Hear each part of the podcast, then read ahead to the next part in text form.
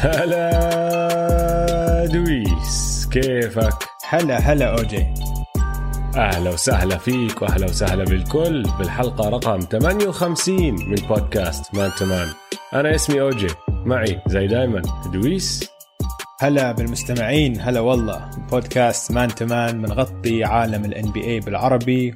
ونحن هلا بأحلى عالم وأحلى وقت لل NBA وقت ال play اوفس أحلى أحلى وقت يعني بالعادة نحن بنحكي شهر أربعة على شهر ستة أحلى وقت. هاي السنة غيرناها شوي. شهر ثمانية أحلى وقت. أربع مباريات باليوم يا زلمه مش ملحقين مش عم بنام أنا يا دويس. مش عارف كيف راح أصمد أنا ثلاثة أشهر كمان شهرين من هالحكي هاد. اسمع ما أنت عندي لسه, ولا فكرة. لسه أنت عزابي. أنا في في العيلة في شغل في الها إنه انسى النوم. النوم خلص ودعته زمان. بطلت تعرف شو هو ها؟ تعب تعب. بس متعة متعة. متعة. والحلو هلا متعة. صار في صار في أكم من سلسلة بقدر بقدر احرق لهم أطنش لهم. كل المنطقة الشرقية بيسكلي بالضبط المنطقة الشرقية خلاص انتهت. تعرف إني كنت عم بقرأ شغلة إنه هاي أول مرة إذا افترض ولا واحد من الفرق بالمنطقة الشرقية اللي هلا خسرانة بيربح كمان مباراة راح تخلص 4 1 وأرب... و... وسويبس. 4 0 4 0 4 0 آه. بتكون هاي أول مرة بالتاريخ هيك بصير إنه منطقة واحدة أعرف. بس بيربحوا فريق مباراة واحدة. وب... وبالغلط. المهم. بالغلط وبالغلط كمان. المهم راح نخش فيهم. راح نحكي فيهم. رح نحكي فيهم رح نحكي بكل سلسلة. حنتعمق بكل سلسلة نحكي عنها مزبوط نعطيها حقها إلا السلاسل تبعون الشرق على السريع مر عليهم. بس راح نبدأ بإيش؟ نبدأ بالأخبار. احكي لنا شو صار أوجي هالأسبوع؟ في أخبار كثير. Coach of the Year نيك نيرس Coach of the Year هذا أهم خبر. هاي معروفة. معروفة هاي معروفة كانت بس هلا رسمية وطلعوه على TNT والمدرب تبعه أيام الثانوية بال high school هو م. اللي قدم له الجائزة. فنيك نيرس طبعا يعني آه، بكي شوي بصراحة أظن. وكان عم بيحاول يخبي. بعدين دخلوا عليه لاوري وفان فليت أعطوه الجائزة. م. كانت لحظة حلوة يعني. هلأ غير هيك طبعا كان عندنا قرعة ال draft الأسبوع. ومينيسوتا حظظت معهم كمان مرة وربحوا الاختيار الأول البطاقة الأولى. هاي ثالث مرة بست سنين يا دويس بيربحوا هم البطاقة الأولى. ربحوها بال 2014 هي كانت مع الكافز وإجت لمينيسوتا أخذوا فيها أندرو ويجنز. وقت ما عملوا صفقة كيفن لوف وبال 2015 كمان ربحوها وأخذوا فيها كارل أنتوني تاونز ويعني هاي السنة خشوا بنسبة 14% إنه يطلعوا هم أول كانوا متعادلين بالنسب مع كليفلاند وجولدن ستيت فحظظت شوي. وعندهم هلا مستقبل يعني ممكن عندهم اختيارات عندهم options باللي بيقدروا أسألك. يسووه جد هي حظت آه. معهم عشان أنا قرأت عشرة تقارير عن ال draft. آه. عشر تقارير عن ال draft. وكل محلل عنده آه، top 10 مختلف تماما. ولا حدا عم بيتفق إنه مين هم حتى أو أحسن واحد أو ثاني أحسن واحد أو ثالث أحسن واحد. إنه مش زي السنة الماضية. كان عندك. المعروف زايون الأول وآر جي آه. باريت وعندك جا مورانت وعندك كان عندك كم من اسم معروف. بس هاي السنة بالذات فيش ولا حدا عارف مين أحسن واحد بال draft. مش بس هيك تعرف اللي أسوأ من هيك؟ إنه ما حدا عارف مين الأول لأنه هو جد ما في نجم واحد بارز طالع عنهم كلهم ما في حدا مفرق عن حاله ما في حدا طلع طبقة لطراز أعلى من باقي اللعيبة. هاي شغلة. بس غير هيك الفرق نفسها ما ما حضروهم ما شافوهم ب March Madness لأنه بطولة الجامعات ما صارت. واحد من الخمسة اللي متوقعين يطلعوا من الاختيارات الأولى الخمسة اللي هو لاميلو بول لعب بلاتفيا وبأستراليا. يعني ما لعب حتى بال U.S. صار له أكمل سنة طالع من ال U.S. فما حدا فاهم له. التنافسية بهالدوري الأسترالي وبالدوري اللاتفي كتير غير عن التنافسية ومستوى اللعيبة اللي بيلعبوا بال U.S. وما في عندك المعسكر الجماعي اللي بيعملوه كل سنة. بيجيبوهم كلهم وبيجوا الفرق وبيعملوا لهم آه. تمارين وبيطلع عليهم. هذا ما راح يصير. ما في تمارين حتى 1 on 1 هاي السنة ف. كل آه، اللي عم غريبة. تعمله عم تعمله آه عم تعمله أنت عم ب...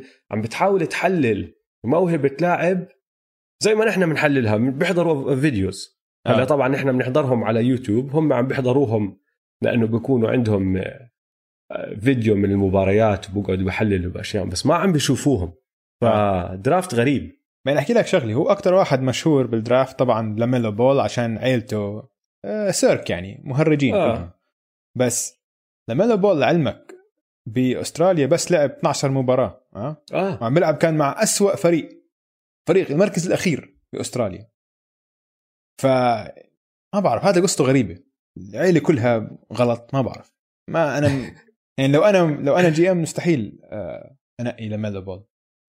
لأنه ما بتعرف بالضبط شو راح يجي معه. آه. علي يعني أبوه إذا خش على الموضوع هلأ أبوه صار له فترة هادي ما عم بحكي زي ما كان آه، يحكي أيام تهاوشوا. مع أبوه تهاوشوا آه. مع أبوه فمهدي بس إذا أبوه رجع بدأ يحكي يعني ما ما بدك هالتأثير على الفريق تبعك آه. وجع رأس وجع رأس آه. الفاضي هلأ شوف ما راح نخش باللعيبة كلهم لأنه أنا بيني وبينك بصراحة ما خشيت باللعيبة ما بعرف فيهم كتير يعني بعرف أكمل واحد هون هناك وأساميهم بس ما تعمقت فيهم وبقدرش أحكي لك مين برأيي أحسن من الثاني لما. نقرب على ال draft ويكون في سلة أقل بال playoffs باللي عم بيصير هلأ رح نتعمق فيهم ونحكي فيهم. بس على السريع أكمل لك آه، الترتيب. جولدن ستيت طلع لهم الاختيار الثاني جولدن ستيت يعني حظ الفريق هاد رائع. رائع. رائع. هدول مرضي عليهم. يا زلمة بالصفقة اللي بعتوا فيها ويجنز على مينيسوتا إجاهم الاختيار الأول من draft 2021 من مينيسوتا. هلأ حاطين عليه protection يعني الاختيار إذا طلع أول ثاني أو ثالث بضل مع مينيسوتا. ما بيجيهم. هلأ شو اللي عم بيصير هلأ؟ مينيسوتا طلع لهم الاختيار الأول. عندهم طبعا فريق صغير فيه كارل أنتوني تاونز ودي انجلو راسل. فهدول الثلاثة مع الأشياء الثانية اللي عم بتصير معناها إنه بصراحة نحن متوقعين من مينيسوتا يتحسن. أدائهم ال- السنة الجاي بس ما راح يتحسن لدرجة إنه بدخلوا ال playoffs يعني أنا ما بتوقعهم يتحسنوا لهي الدرجة. بس راح يطلعوا عن المراكز المتأخرة. ما راح يكونوا أسوأ فريق أو ثلاث فرق من أسوأ ثلاث فرق بال NBA فهذا الاختيار باحتمالية كبيرة إنه السنة الجاي يروح لل Dubs فالوريورز راح يرجع لهم ستيف راح يرجع لهم كلي. لسه عندهم دريموند عندهم أندرو ويجنز. والله أعلم شو راح يعملوا فيه لأنه في احتمالات كثيره وهلا غير هيك إجاهم الاختيار الثاني وممكن يجيهم اختيار عالي السنة الجاي. حظ هالفريق مش طبيعي. مش طبيعي يا زلمة. draft السنة الجاي أو جي بيحكوا لك draft نار.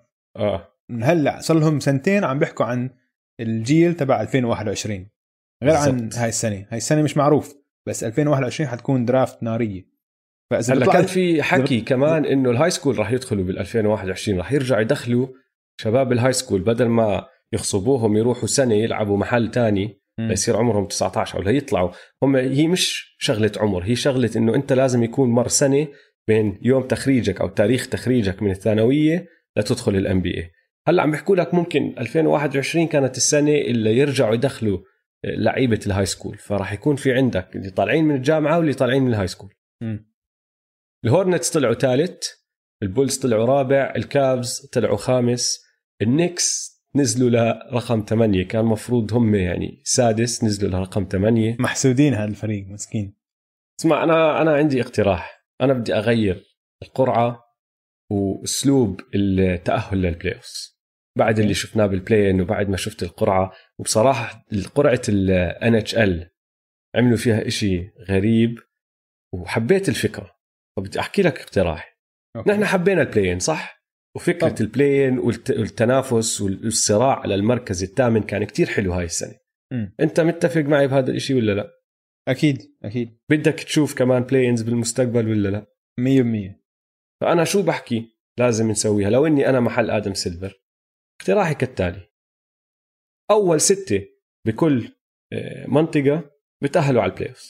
المركز السابع والثامن عليه play-ins مش بس الثامن السابع والثامن فهمت علي؟ أوكي. تلعبها بنفس الطريقة إنه إذا أنت أنهيت الموسم بالسابع بكون فرصك أعلى شوي وبتحتاج تعمل أقل على أساس تتأهل. وإذا أنت بالمركز الثامن فرصك كمان أحسن من التاسع والعاشر. بس كل فريق تحتهم بيقدر يدخل البلاين فأنت عم تعطي الفريق رقم 15 فرصة حتى لو إنها فرصة صغيرة بتعطيه فرصة. ونسب القرعة بتنزل النسبة العالية اللي عم تعطيها للفرق اللي تحت تحت بترفعها للفرق اللي بالمراكز هاي التاسع العاشر السابع.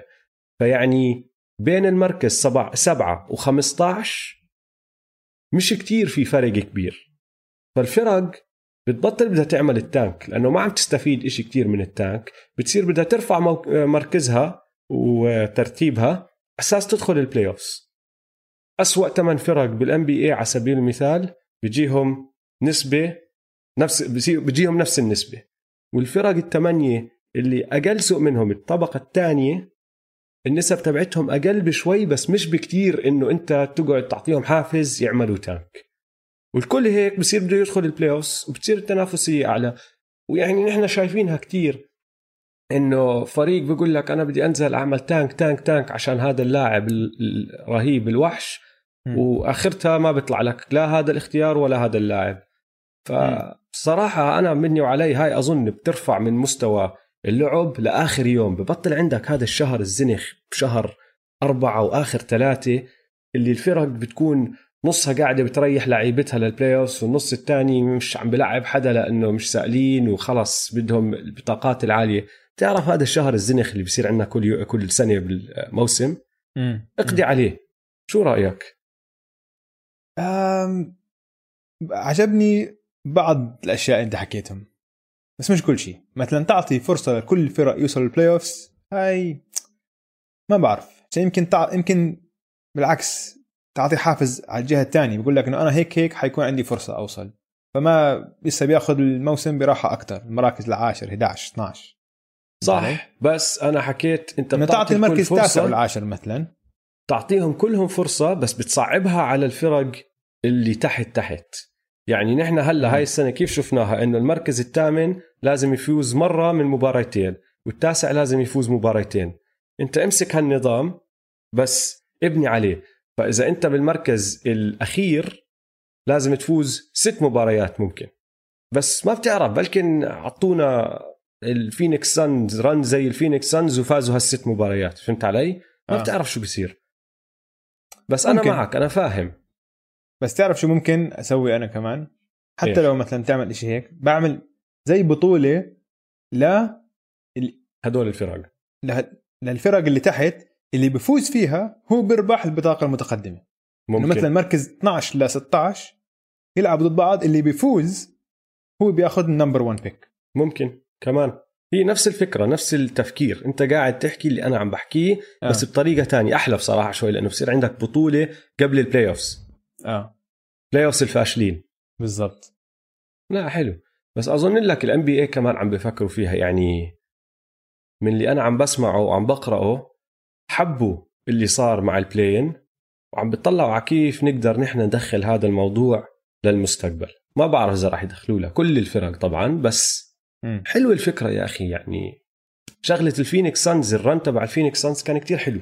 آه كان بيستاهل ولولا ال play-in آه. ولولا هذا الإشي لولا النظام هاد مستحيل أصلا كان حدا تحمس لهم لأنه حتى مع الثمانيه ما وصلوا. تخيل لو إنه نظام أصعب شوي وما عزموهم على أورلاندو ما قالوا لهم تيجوا. ما كان شفناها ما كان انبسطنا لهالأسبوعين مع ديفن بوكر وال Phoenix Suns.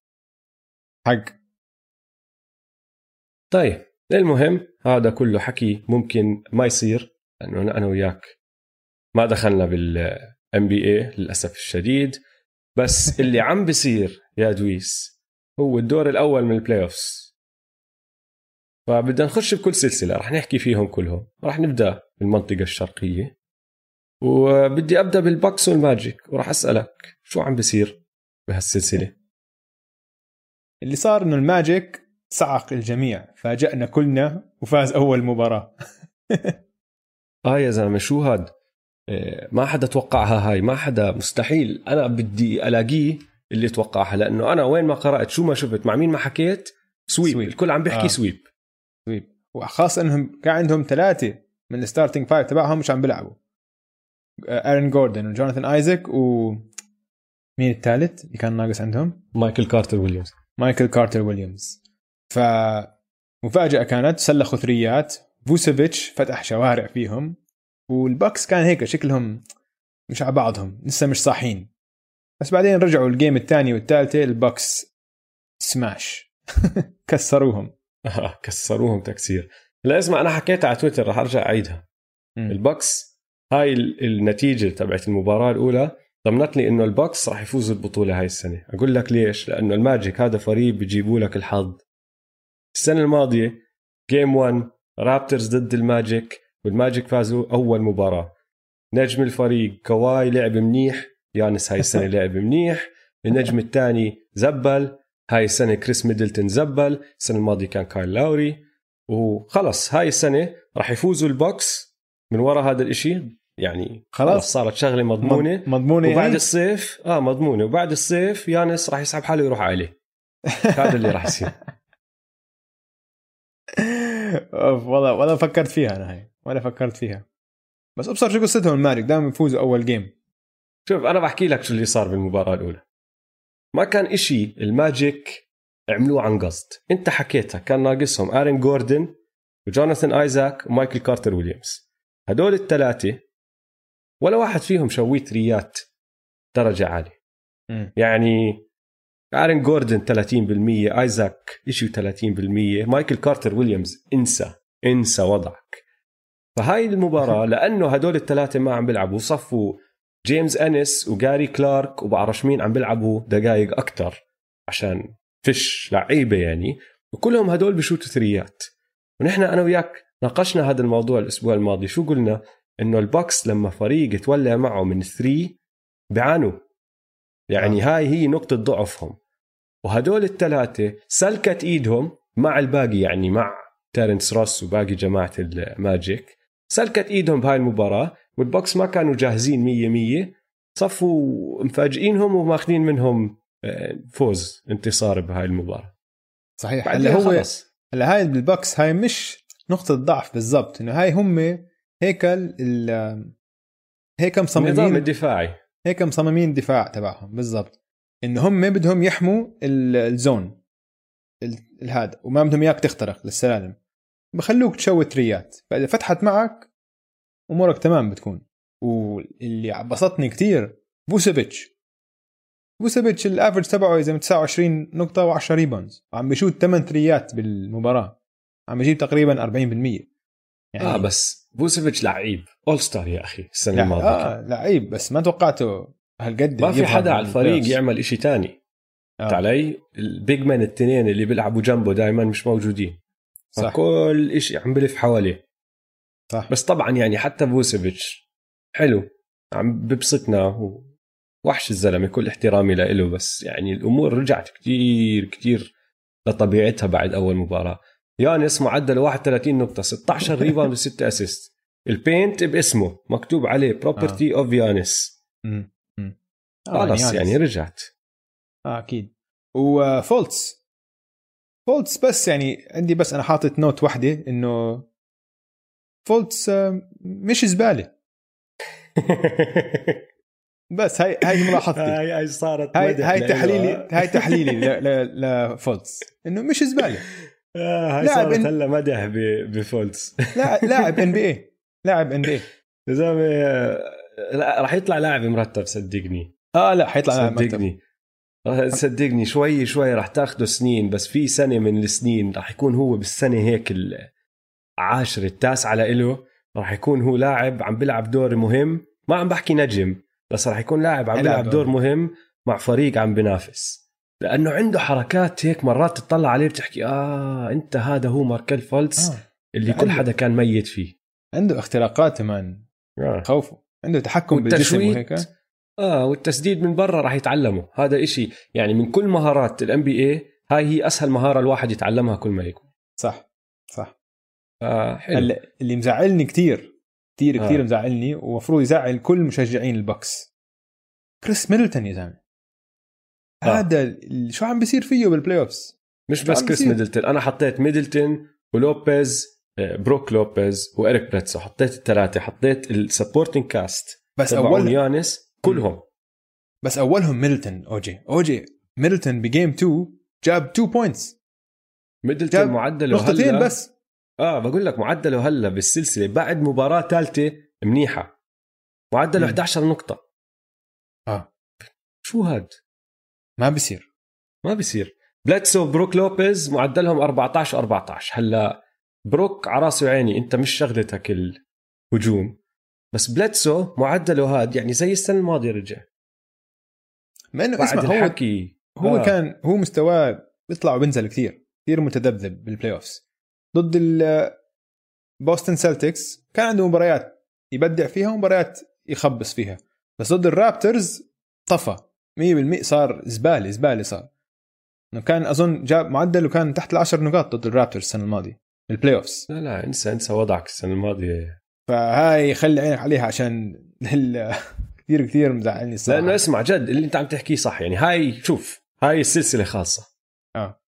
أنا وياك بدنا نحكي عن تاح الفوز وإيش لازم يغيروا ما في إشي غيره ما هاي. السلسلة خالصه البوكس لازم يستعملوها أو يستعملوا آخر مباراتين أحكي فيها ليجهزوا ميدلتون وبلدسو على الجهة الهجومية للي جاي بعد هاي السلسلة.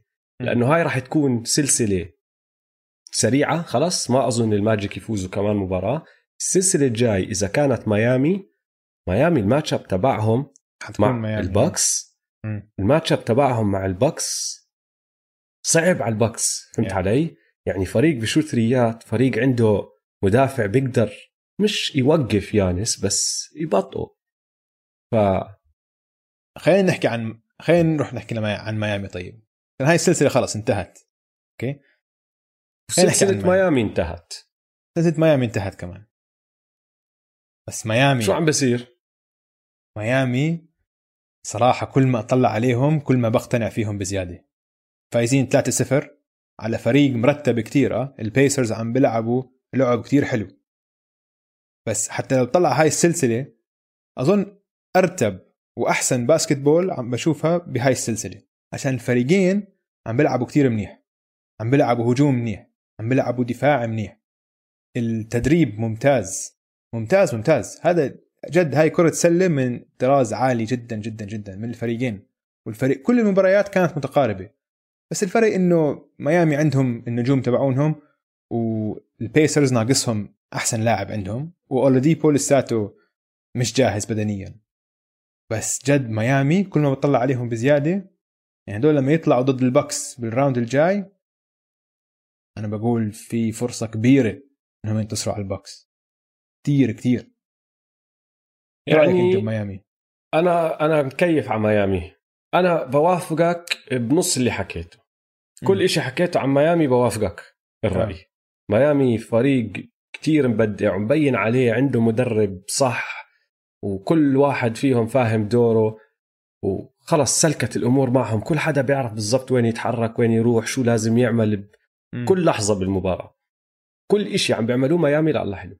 أنا ما بوافقك الرأي إنه من جهة إنديانا هذا فريق كتير مرتب. أنا بشكل عام أظن إنديانا فريق مرتب بس ما عم بيلعبوا زي فريق مرتب. ميامي طبعا عندهم موهبة أكثر اللعيبه اللي على جهة ميامي أحسن من لعيبة البيسرز وزي ما أنت حكيت نجم لإلهم ما عم بيلعب والنجم الثاني لسه بده وقت ليرجع لمستواه. بس كمان ما عم بيلعبوا بإرادة ما عندهم روح قتالية يا أخي. ميامي عم بشوتوا من برا القوس بنسبة 43% وهم ما عم بيساعد ما عم بيصعبوا عليهم الحياة ما عم بيساعدوا حالهم. يعني حتى إشي صغير زي close out إنك ترفع إيدك. لما يكون واحد عم بشوت ما عم بيعملوها. نيت ماكميلن هداك اليوم نزل فيهم بهدلة إنه شو أنتوا اللي عم بتسووه؟ وهذا فريقه. أنتوا مش عم ترفعوا ايديكم يعني هاي أساسيات السلة.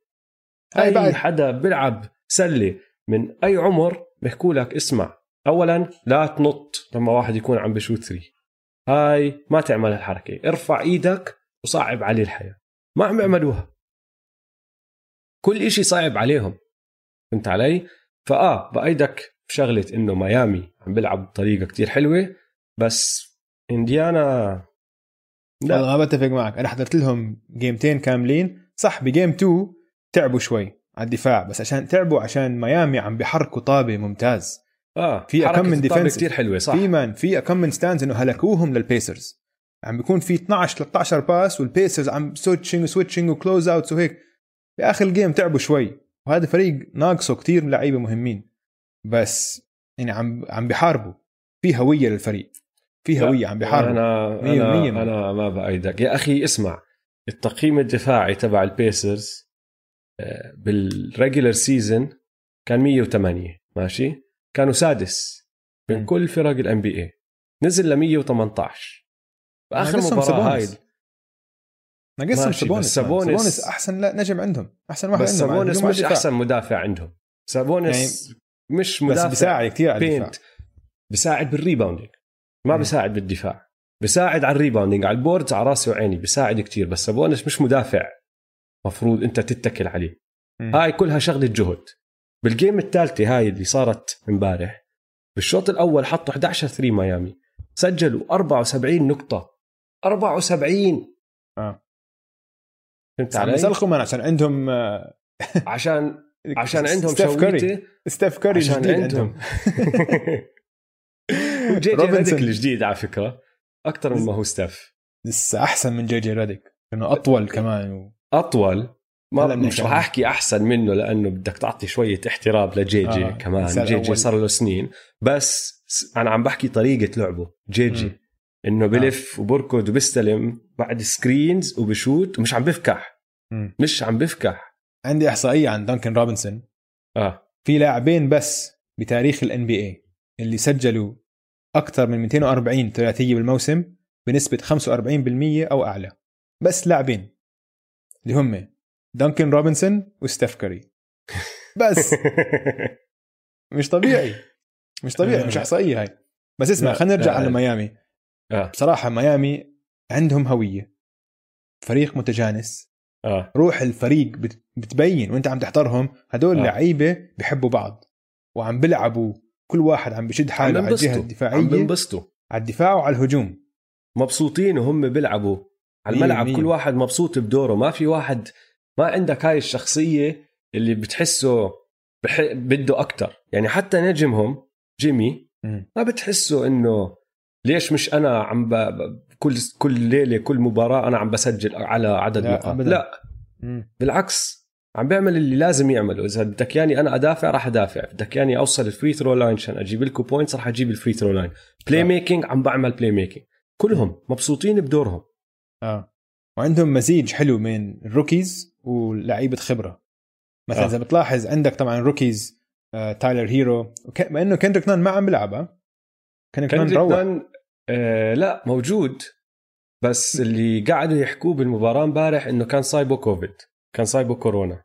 آه، هلأ okay. دخل على ال bubble بس هو آه، دخل على ال bubble هو خلص معافى بس لسه مش صحته لياقته مش على بعضها. آه، سبولسترا قال لك أنا ما بدي ألعب نان بدي آه، جوران دراجيتش عشان بدي شوية خبرة. بعدين. شاف إنه مش محتاج يلعبه بهاي السلسلة. آه. قال لك برايحه شوي. إذا المباراة جاي كمان خشت هيك blowout ممكن نشوفه بدخل شوي على أساس يحضروا لباقي ال playoffs ممكن آه ممكن. بس إذا بتلاحظ لما يوصلوا لآخر دقائق في المباراة الحاسمة بيروح بلعيبة الخبرة. بحط جيمي دراجيتش إيجودالا وكراودر ومعهم بام. بام بنحسب معاهم يعني كلاعب انت نسيت واحد. لا هدول لا. الخمسة ال- هدول الخمسة اللي بخلصوا ال game الخمسة. اللي لعبوا game 3 لا اللي بخلصوا ال game هدول بآخر. جيم 1 و 2 تايلر هيرو لعب بالرابع. خلص الجيم ب game 1 و game 2 جي كراودر ما كان عم بيلعب. هو اللي عم بيعمله على فكرة. وهذا الفرق بين game 1 و 2 وبعدين game 3 game 1 و 2 ما كانوا قراب كان في فرق. فما كان محتاج على الدفاع. إنه خبرة دفاعية لأنه تايلر هيرو لسه على الدفاع ما ما بيتكل. عليه مش زي بالضبط. كراودر آه. game 3 لأنها كانت قريبة وكانوا مش كانوا فايزين إنديانا بنقطتين آخر ثلاث دقائق ولا أربع دقائق كانوا متقدمين فحط جي كراودر لأنه جي كراودر طبعا آه، أقوى من تايلر هيرو على الجهة الدفاعية بس تايلر هيرو أول جيمتين لعبهم هو بالرابع لأنه ما كان محتاج وعم بعطيهم عم بعطيهم صناعة ألعاب وهاي يعني مفاجأة كتير سارة. وعم عم باخد وبيحط شوتات كتير صعبة. ومش مفروض روكي يحطها يا أخي. فهمت علي؟ ما هذا قلنا قلنا عنده ثقة بالنفس هذا يا غير أخي طبيعيه راح اعطيك راح أعطيك إحصائية صغيرة. ماشي؟ لأنه جد ثقته بالنفس هاي الغير منطقية لسه موجودة. وكل حدا على فريق ميامي بضل يحكي لك هذا الزلمة ما بخاف ما بخاف من اللحظة. هلا تايلر هيرو معدله بثلاث مباريات 16 نقطة فاصلة سبعة. عم بيلعب 32 دقيقة بالمباراة. سجل مجموع على الثلاث مباريات هدول 50 نقطة. ماشي؟ م. هذا رقم أعلى من أي rookie بأول ثلاث مباريات له تاريخ ميامي. بما فيهم دوين ويد. أوف. فهمت علي؟ يعني تايلر هيرو داخل على ال playoffs بيقول لك شو؟ يا إخوان بعمل اللي بدي إياه. رهيب رهيب. رهيب من رهيب. بنحب بنحب آه. أنا كثير مبسوط على ال dragon جوران دراجيتش. آه. كان عنه الأسبوع الماضي كالجوكر أو لاعب مهم كثير للميامي هيت عشان هذا لاعب خبرة وهذا all star وهذا الموسم تقبل دوره إنه يكون على ال bench بس قبل ال playoffs اجى المدرب قال له أنا بدي إياك ترجع starter وعم ببدع عم ببدع. حنحكي عنه زيادة بفقرة تانية اليوم بس دراجيتش عم بيلعب لعب كتير كتير حلو. طيب شو مزعلك؟ مزعلني صراحة إنه سابونس مش موجود عشان هاي المفروض سلسلة تروح لسبع مباريات. آه سابونس سابونس كان هذا الشيء الوحيد. كان أعطاهم سلاح يستعملوه ضد بام أديبايو. آه. لأنه بام بام عم بيعمل اللي بده إياه على الجهة الدفاعية هلا. مايلز تيرنر ما بيقدر عليه. ال rebounding عم بيكون وحش آه. اليوم مثلا كان في كتير كان في هجمتين فرق بس 2 points وميامي بيفتحوا الشوطة ومرتين لم offensive rebounds بام. آه, آه. آه. ما وحش بام. أنا أنا اللي مش مش عاجبني اللي مزعلني إنه ما في احتكاك أكثر بين جيمي وتي جي. آه بقول لك خلص بطل في هوشي. شو هاد شو هاد يا زلمة؟ أنا كنت مبسوط راح نشوفهم. أربع لسبع مباريات بدقوا ببعض. خلص جيمي هلا بطل. جيمي هلا خلص نضج. آه نضج هلا وبطل عنده هلا عقله بالسلسلة اللي بعدها. بس تي جي تعلم ال playoff ball كثير بسرعة آه. يعني معدله هلا 19 نقطة 20 نقطة تقريبا آه 19.7 طبيعي. نزل من 31 نقطة. كان المعدل تبعه قبل لما حكينا إنه هو all bubble team نزل مرة واحدة يعني تعلم على السريع إنه آه لعب السلة بال playoffs كثير غير عن لعب السلة بال regular season آه. مفتاح الفوز. مفتاح الفوز خلص هذه السلسلة انتهت الصراحة. حاطينها ل أحكي لك شغلة. 3 0 فيكتور أولاديبو سألوه امبارح بعد المباراة عم بيحكوا معه بالمؤتمر الصحفي. آه. بقول لهم أنا لا لسه ما فقدت الأمل. بقول لهم it's been done before لما حكوا له أنت هلا فريقك خسران 3-0 بقول لهم it's been done before لا ما صارت عملنا لا ما صارت يا فيكتور. ما صارت من مرة. بتاريخ ال NBA كله ما صارت ولا مرة. فزي أنا معك. فيش مفتاح فوز. كفل بخوفوا ولا حيروحوا طيب هدول فريق ميامي؟ بخوفوا. بخوفوا. بخوفوا بخوفوا. يعني لما يطلعوا هلا حيواجهوا البوكس. آه. الأسبوع الجاي. يعني إذا ميدلتون حيضلوا هيك يعني والله ميامي فريقهم فريقهم صعب. آه. هي ما حتفوزهم. فريقهم يعني طريقة يعني لعبهم. آه طريقة لعبهم جانّيس هم يعني البوكس بيحتاجوا يكونوا من أحسن نسخة البوكس ليفوزوها بالزبط. ما بينفع هيك نصكم زي ضد ال بالضبط. نصكم بتكفي ضد الماجيك. مستحيل تكفي ضد البوكس. أكيد أكيد. طيب السلسلة اللي بعدها الرابترز ضد النتس. بصير أحكي لك شو عم بيصير؟ أنت احكي لي عشان أنا ما حطيت ولا ملاحظة عن هاي السلسلة. أنا أنا راح أحكي لك شو عم بيصير. سلسله فارطة المفروض تكون خ... يعني تحصيل حاصل من الأول. هي هيك و... بس بدي أحكي آه. لك ليش هذا الشعور غريب. الرابترز فايزين 3-0 ماشي؟ آه. بالمباراة الأولى والثالثة سيطرة كاملة. يعني آه. من أولها لآخرها. المباراه الثانية النتس يعني شدوا حالهم شوي خلوها مباراة مسلية بس ما كفت. ومفروض مفروض مفروض تخلص بأربعة. لأنه حتى جو هاريس طلع مش عم بيلعب معهم ف عم بفرط بزيادة. آه فريقهم عم بفرط بزيادة. هلأ إيش اللي عم بيبسطني بالموضوع؟ الرابترز بحياتهم ما كانوا متقدمين 3-0 بسلسلة. ولا آه. مرة. ماشي؟ م. عندهم أعلى تقييم إجمالي بال playoffs يعني كل إشي عم بزبط معهم. وهذا شعور كتير غريب كتير غريب. كمشجع رابترز ما بتعرف أنت مستحيل يعني السنة الماضية ب game 6 بآخر ثواني لما صار ال timeout وهيك ونحن لسه مقتنعين إنه راح يصير إشي وستيف راح يحط ثلاث ثلاثيات بثلاث ثواني وراح نخسر. مشجع الرابترز تعود إنه كل إشي ممكن يصير غلط يصير غلط. عندكم كوابيس. آه. فكتير غريب هذا الشعور. إنه استنى شوي أنت عم تحكي لي الرابترز متقدمين 3-0 حتى لو خسروا مباراة لسه ضل ثلاث مباريات بس لازم يفوزوا. واحدة كتير كتير غريب. إذا ما بكفي إنه الأسبوع الماضي أنت حكيت خلي عينك على ال zone defense لأنه آه. الرابترز أسوأ فريق ضد ال zone صح؟ آه. بروكلين بالمباراة الثالثة لعبوا 10 هجمات 10 possessions بال zone الرابترز حطوا فيهم 13 نقطة. مش كفاية مش كفاية. 13 نقطة ب 10 possessions يعني يعني حتى ال zone بطل يأثر عليهم. فهمت علي؟ فحلو. أنا مبسوط انه الرابترز عم بعدلوا وعم بحسنوا على نقاط ضعفهم. وفي شيء كمان بسطني بهاي السلسلة هي stat line ضحكتني هي مش بسطتني هي ضحكتني.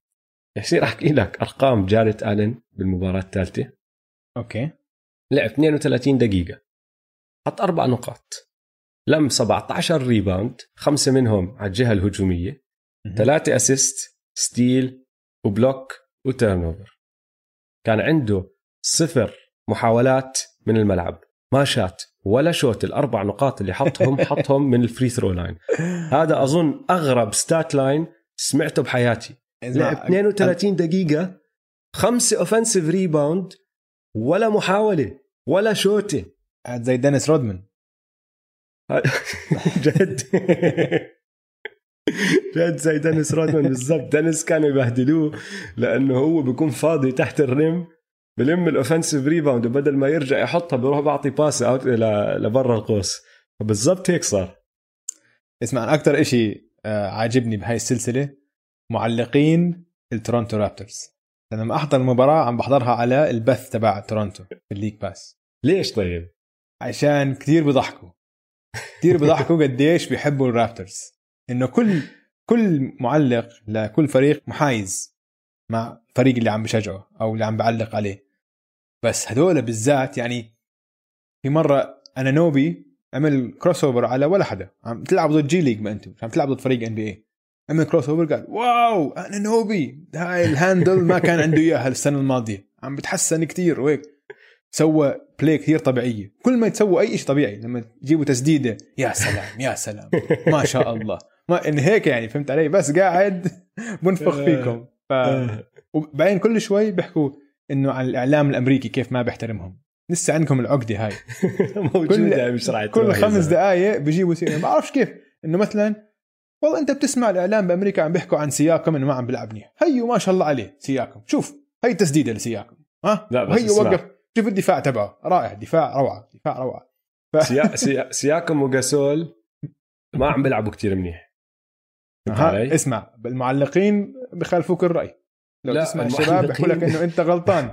أنت هذا حكي الإعلام الأمريكي. إعلام عندكم بقول لك هو بس عم بيعطي فرصة للفريق إنه هو إنه يسدد آه هيك انه هاي آه. استراتيجيه سياسه استراتيجية منه آه عشان يعطيهم آه لا لا لا مش كونفدنس وهيك مش صح يعني أنا إذا في شيء مزعلني بهاي السلسلة هو لعب سياكم وجاسول بس على الجهة الهجومية لأنه الاثنين آه. مبدعين على الدفاع فهمت علي؟ سياكم بالعكس أنا شاكك إنه هو عم بتعب حاله زيادة على الدفاع مشان هيك ماكل هوا على الهجوم لأنه عم بشوت بنسبة 42% ومعدله نزل ل 21 نقطة م. ماشي هلا بالمباراة الثالثة لعب أحسن شوي بس أنت عم تحكي إنه بروكلين ما عندهم ولا لاعب بيقدر يوقف سياكم. مفروض أنت تكون عم تاكلهم أكل لبروكلين. مين مين في مدافع عندهم لا بروكلين بيقدر يوقفك؟ ولا واحد. بوسطن إذا لعبوا ضد بوسطن بال round الجاي عندهم ثلاثة أو أربعة بيقدروا يدافعوا على سياكام فلازم يرفع من مستواه شوي. هاي شغلة هيك حط عيني عليها أنا. وجاسول جاسول ماخذ 17 محاولة شايت 17 مرة بال playoffs حاطط منهم خمسة. بس ما بخاف عليه زي ما أنا عم بخاف على سياكم لأنه ما بتوقعوا الرابترز يسجل كتير. هذا مش شغله. دور تبعه ما دخلوا بالهجوم. هو بس لازم ينظم الدفاع ولازم يصنع اللعب من ال آه، من القلبه تبعه. لما يروح يوقف على الهجوم. حطوا طابه بيصنع لعب. عم بيعمل هالشغلتين. وعنده تاريخ إنه بمر بفترات مرات خلص. يعني لو فاضي ما عليه ولا حدا بشوت وما بحطها. ف اسمع صراحة راح أسامحه. هذا لاعب عنده خبرة خبرة بالزبط. كبيرة. وعارف إنه هاي السلسلة خلص بس آه. تحصيل حاصل وعم ركز هو على السلسلة الثانية. ما في داعي تعب حاله كثير شفت ال pass اللي عمله بمباراة ثالثة؟ behind the back فكر حاله بمباراة all star لا والله حلو كان. بس لأنه هو كتير كبير عم بيعمل حركة إنه هي مفروض طبيعية إنه لما تشوف guard بيعملها بيطلع وبيعمل هيك spin ومن ورا ظهره بعطي pass حلوة. it's highlight reel play يعني. حلو كتير. بس لما تشوف واحد بحجم جاسول بيعملها لله بتطلع غريبة. فضحكني. طيب. آه، مفتاح الفوز خالصه صح؟ آه انت أي... آه. آه. خالصه خوفوا ولا حيروحوا يا دويس؟ لا لا بخوفوا بخوفوا جماعتك أمورهم طيبة. بس ال round الجاي بال East حيكون نار. أها. هاي وصلنا للسلسله الرابعة بال East بالضبط. البوستن سلتكس والكارثة اللي اسمها الفيلادلفيا 76رز بالضبط. شو عم بيصير؟ هذا هو اللي عم بيصير. كارثة 76رز ما في ولا ما في معدن. فريق اسمع. من كل فرق ال playoffs هذا أفشل فريق بال playoffs حتى النتس اللي هم حتى النتس اللي هم مش فريق NBA عم بيلعب أحسن منهم. عشان عم بيحاربوا.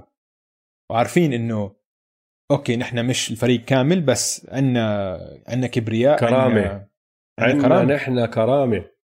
بالضبط. يعني الخسارة ب game 2 هلأ طبعا السلتكس متقدمين 3-0 حيخلصوها 4-0 المباراة الثانية. كيف اتطزعوا ولا حتى حاولوا ولا حتى حاولوا وجوال نفس اسمع نفس حكي جوال امبيد دائما بيعمل بس حركات. إنه على ال bench إنه حزنان وهيك بس ما عم بيلعب منيح.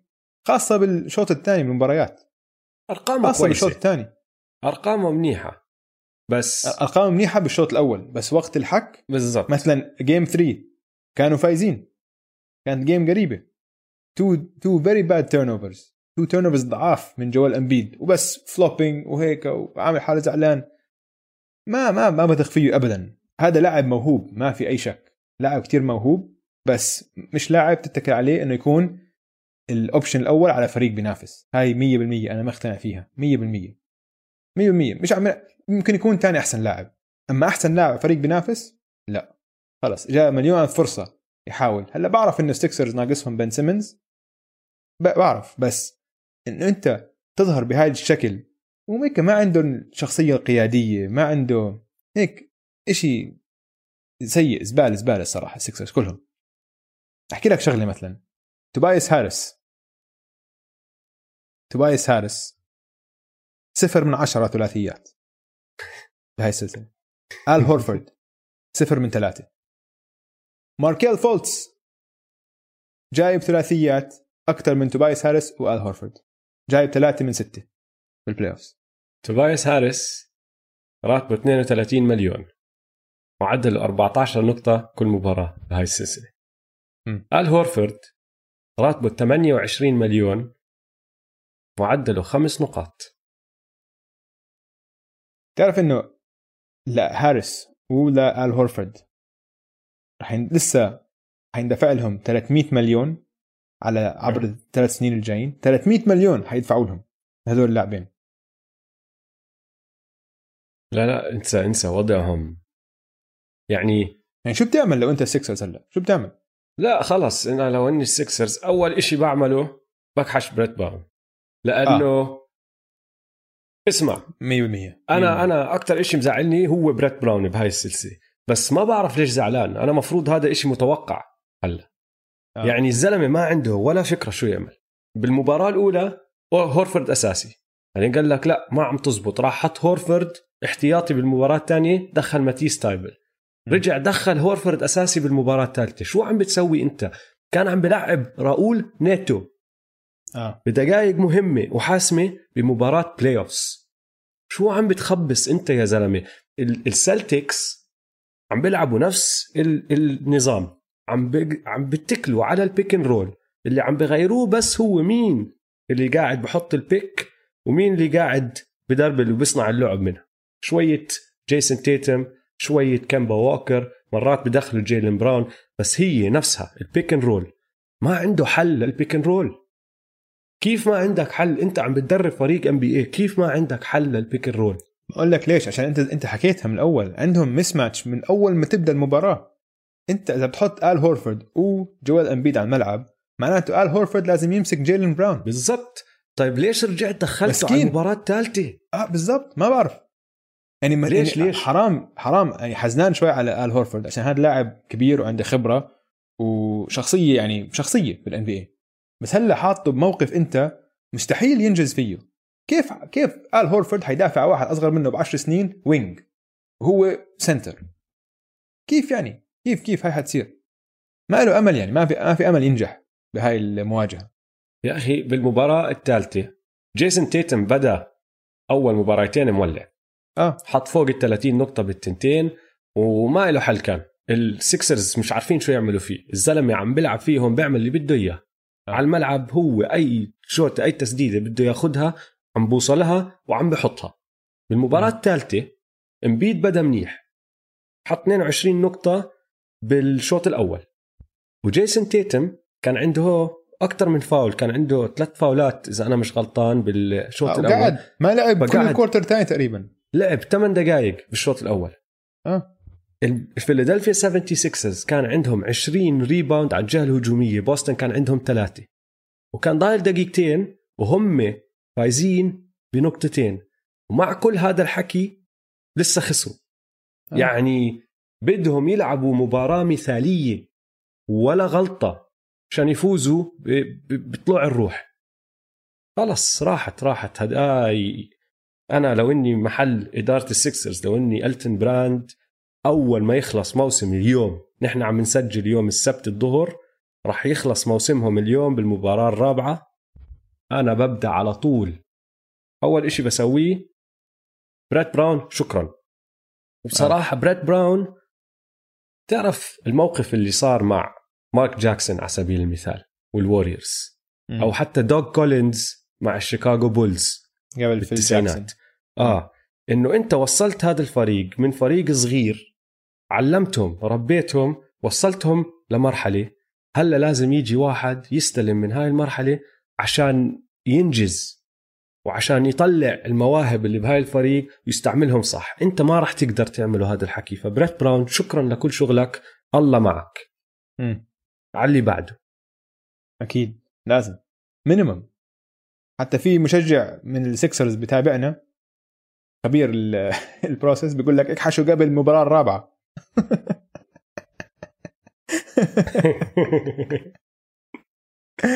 تشيس تشيس على التويتر بيقول لنا اكحشوا قبل المباراة الرابعة. لا لا لا وضعهم وضعهم مأساوي يا أخي لدرجة إنه انه عشان العقود اللي عندهم صعبة.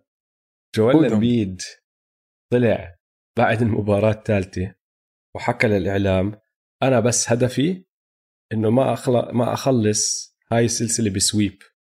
ما بدي sweep على ال resume تبعي. ما ليش؟ بدي السجل تبعي؟ يكون فيه sweep شو ال resume اللي عندك أنت شو ال resume إنه هو إنه هو عنده بطولات وعنده صارت. إنجازات ما عنده شيء هذا كله حكي زلمة هذا كله. تخيل لوين وصلت آه. آه. هذا كله. السلتكس السلتكس لعبهم حلو يا دويس السلتكس، السلتكس آه. فريق بخوف على الجهة الثانية نحن هلا بعد ما مسحنا الأرض بالسكسرز وبيستاهلوا بيستاهلوا الصراحة هذا المفروض فريق يكون عم بينافس السلتكس بالعكس فريق مرتب تدريب مدرب مرتب ال- حتى الفريق انه إنه أكثر شيء مفاجئني إنه ولا حتى مفتقدين هيورد. هيورد كان عم بيلعب منيح. ولا حتى آه. مفتقدينه. أمورهم طيبة. حتى لو تيتم ما عم بيلعب منيح بدخل آه، أي حدا من الفريق. ماركس سمارت مدافع ممتاز ممتاز.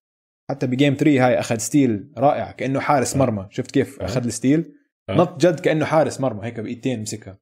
ال pass كانت من جويل إمبيد. نفسي نفسي أشوف لأنه بتعرف الحلو فيها هاي ال... الحركة الدفاعية اللي عملها سمارت إنه حركته الدفاعية أدت ل bucket على طول. مم. فالدفاع تبعه أدى لهجوم على السريع. نفسي أشوف إحصائية بتورجيك قديش هو بيعمل هيك حركات بكل مباراة لأنه دائما بتلاحظ عليه بيعمل حركة واعطي pass على السريع أو tap على السريع لحدا وبأقل من خمس ثواني بيكونوا مسجلين على الجهة الثانية. هاي شغلته فهمت علي؟ ماركس سمارت. آه. رهيب. تعرف أنا أكثر شيء مبسطني بهاي السلسلة؟ إيش؟ كمبا ووكر. آه صحيح بيلعب منيح. كمبا ووكر بال 2020 بالس- بال playoff تبعون 2020 عنده انتصارات أكثر من مجموع الانتصارات اللي حققهم ثمان سنين اللي لعبهم مع الهورنتس. حرام. ال- الركبة تبعته تمام. الزلمة قاعد بتشوفه عم بنط على الأرض آه، بعطيها crossovers step back اللي حطه هداك اليوم على آل هورفورد هذا step back ال trademark تبع كمبا. ووكر dribble dribble step back حط شوية فراغ بينك وبينه swish معدله 22 نقطة 4 rebound 4 assist وحركة إجرامية واحدة بكل مباراة رهيب كثير يعني بسيط اسمع في. متذكر في ال play اللي جوال امبيد سلخه block طلعوا السكسرز fast break جوال عم بيعمل dribble وهيك عم يطلع حواليه وهيك. بروح هذاك كان واقع على الأرض. رجع sprint وأخذ steal من جوال امبيد بين راحت الطابة fast break على الجهة الثانية وجيلن براون خلصها 360 dunk آه. هاي هي. هاي لو بدك تاخذ بدك تلخص ال- السلسلة هي السلسلة. صح. فريق بضله يحارب بضله يدافع وبضله يحاول وفريق بس. حركات وضايع وراسه هيك مش عارف وين طلع يمين لشمال. هاي هذا هو الف... ال... هذا الفرق بين الفريقين. خلاصة الموضوع السكسرز حيروحوا والسلتكس بخوفوا. حيخوفوا. وهي محلى ال round الثاني بال East حيكون أوجي. اسمع أنت بتعرف ال matchup اللي كتير راح يكون حلو بال round الثاني؟ ماركس سمارت ضد كايل لاوري. هدول أزنخ مخلوقين على ملعب سلة آه لازم نخترع لهم جائزة هذول الاثنين بس إيش نسميها؟ جائزه رائع. نسميها إيش؟ نسميها جائزة كايل لاوري ولا جائزة ماركس سمارت؟ حسب مين بفوز ال matchup حسب مين بفوز ال match up ال- ال round الجاي لأنه هدول التنين زنخين و... و... خلاص بدايقوا كل حدا بيلعب ضدهم بس كل حدا معهم على الفريق بيموت فيهم نفس آه. طريقة اللعب يا أخي شفت إحصائية هذاك اليوم لكايل لاوري خففت لي عقلي. تعرف إنه بال playoff بآخر ست سنين ولا سبع سنين عنده 63 ولا 64 charge drawn يعني ماخذ. فوق ال 60 charge تاني أع... تاني أعلى رقم بالمدة هاي ستيف كاري ب 30 32 charge ولا 31 charge يعني مدوبل هذا العدد. فهمت علي؟ آه. رهيب. طيب إدويس نحول على ال West. آه. خلينا نحول على الدوري الجد. دوري الدرجة الأولى. خلينا نبدأ بالليكرز بليزرز. شو رأيك؟ نبدأ بالليكرز بليزرز. شو عم. بيصير؟ سلسلة كتير مسلية. آه. البليزرز طبعا فازوا أول مباراة. أنا توقعت يفوز أول مباراة عشان هم صار لهم أسبوعين عم بيلعب مباريات هيك حك وحاسمة. الليكرز هيك صار لهم أسبوعين نايمين. فأنا توقعت البليزرز يفوز أول مباراة. بعدين لبران صحي. يعني اليوم لبران اللي شفناه كان خرافي. وهلا طبعا الليكرز متقدمين 2-1 بشكل أمورهم تمام يعني. بتوقع البليزرز ياخذوا كمان مباراة بس الليكرز مع لبران اليوم يعني لبران لما لبران يقرر إنه خلاص أنا راح أخترق كل ما أمسك الطابة خلص وضع الفريق صعب. وشفت اليوم قال بعد المباراة آه تمرن نص ساعة أو 45 دقيقة. را- راح راح قاعد يرفع حديد وهيك يعني بعرفش ليش الحركات هاي بس خوف. عشان يحكوا عنها الإعلام. بالضبط آه. مش أكثر شوف أنا أنا أظن عم نشوف المرحلة الثالثة من مسيرة ليبرون. المرحلة الأولى أول 10 ل 12 سنة كان خلص ليبرون دائما ضاوي وعلى الجهتين وما في off switch فهمت علي؟ آه. بهداش. المرحلة الثانية لما صار خلص إنه يريح الدفاع وما يبدأ الجد تبعه ليوصل ال playoff بس يوصل ال playoff خلص بخش بالجد وبقعد بقرر إمتى أريح الدفاع. أنا آخر ربع ممكن ألعبه منيح على الدفاع أول ربعين راح أترك حدا تاني يمسك أحسن لاعب. هاي كانت المرحلة الثانية فهمت علي؟ اللي عم نشوفه هلأ أظن المرحلة الثالثة. المرحلة الثالثة ماخذ التريح لدرجه ما شفناها من قبل اللي هي أنا بقرر أي مباراة أريح وبأي جهة من اللعب. يعني أول مباراتين أول مباراة كان عنده triple double بس آه. المباراة الأولى والثانية ما حسيته playoff ليبرون ما كان متحكم بكل شيء لا ما فرض سيطرته على المباراة. لا بالضبط ما فرض آه. سيطرته على المباراة. وبتقعد تتساءل يعني هل هو هذا آخر موسم له صح؟ يعني هاي هي. لبرون عمره عم بيأثر عليه ما بيقدر يعمل هيك. بعدين بيجيك بمباراة زي امبارح. مباراه امبارح حط بباله من أول المباراة أنا اليوم راح أسجل. أنا اليوم ما راح أقعد أصنع على لعب للكل. أنا اليوم بدي أحط بوينتس ولا واحد فيكم راح يوقفني وجد ما حدا قدر يوقفه. ولما يعمل هيك لبرون بعده أحسن لاعب بالعالم يا أخي. آه. لما خلص يحط راسه بهاي المباراة ما في حدا بالعالم زيه. وهيك سوى امبارح. فعم بحكي لك هاي المرحلة الثالثة أظن اللي عم نشوفها. راح يصير يقرر إمتى يبذل جهده 100% بمباريات. وفي مباريات ما راح تشوفه ببذل 100% بس حتى بدون 100% عم بتشوفه بحط triple double أو بساعد هون وهناك هو شاف هاي المباراة الثالثة أهم مباراة. قال آه. لك خسرنا الأولى ماشي راحت. الثانية فزناها حلو كل كان متوقع نفوز anyways تمام. المباراة الثالثة هي مباراة كتير مهمة لأنه إذا فازوا البليزرز وقتها خلص بيصعب كل شيء على الليكرز كتير. قال لك هاي مستحيل نخسر مشان أتأكد إنه ما راح نخسر أنا راح أتحكم وأسيطر على المباراة من أولها. المباراة الرابعة ما بعرف شو راح يسوي بس ممكن يطلع عليها يقول لك ها بنريح شوي أنا بتوقع لا أنا بحكي لك خلص خلينا ننهي. راح أفوز المباراة الرابعة نصفي متقدمين 3 1 إذا بده يريح بريح بالخامسة فهمت علي؟ ف يعني أهلا وسهلا لبرون playoff لبرون آه، آه. امبارح شفناك 100% اللي انت حكيته مزبوط بزيد عليه شغلة صغيرة هو مرات لما يرتاح يرتاح عن قصد زي ما انت حكيت بس كمان بده يشوف زملائه شو راح يعملوا فهمت علي؟ بحس بحطهم آه. بمواقف إنه أوكي روح العب شو بتعمل؟ شو بتقدر تعمل؟ لو أنا مثلا قعدت أرتاح شو حتسوي أنت؟ هيك بحسه هيك بيختبر لعيبته غير عن بيختبر الخصم. هلا أول شيء هو أول مباراة دائما هو بالسلسلة. بضل أنسى أنا بضل بضل ننسى نحن إنه قديش لبران عبقري كرة سله دائما أول مباراة مباراتين تحسه بس هيك عم بفهم الفريق الثاني. عم بيشوف شو عم بيعمله بعدين هو بيعدل الخطة تبعته. بيعمل نفس الشيء مع فريقه هو. بحطهم بمواقف إنه خلينا أشوف شو حيعمل انثوني ديفيس اليوم خلينا أشوف آه كوزما شو حيعمل. وبعدين هو لما يلاقي إنه الأمور مش ظابطة هو بيستولي على الأمور بيستولي على ال game. لاعب تاريخي man. Wow. لو تاري ستوتس بده يعدل إشي في خطته لازم يقلب نظامه الدفاعي أساس يخلي لبرون جيمس صانع العاب ومش أكثر من صانع ألعاب. أعطيه doubles من أولها تعبه من أول المباراة ابعت له اثنين من أولها بس طلع الطابة من إيده أعطيها للتانيين.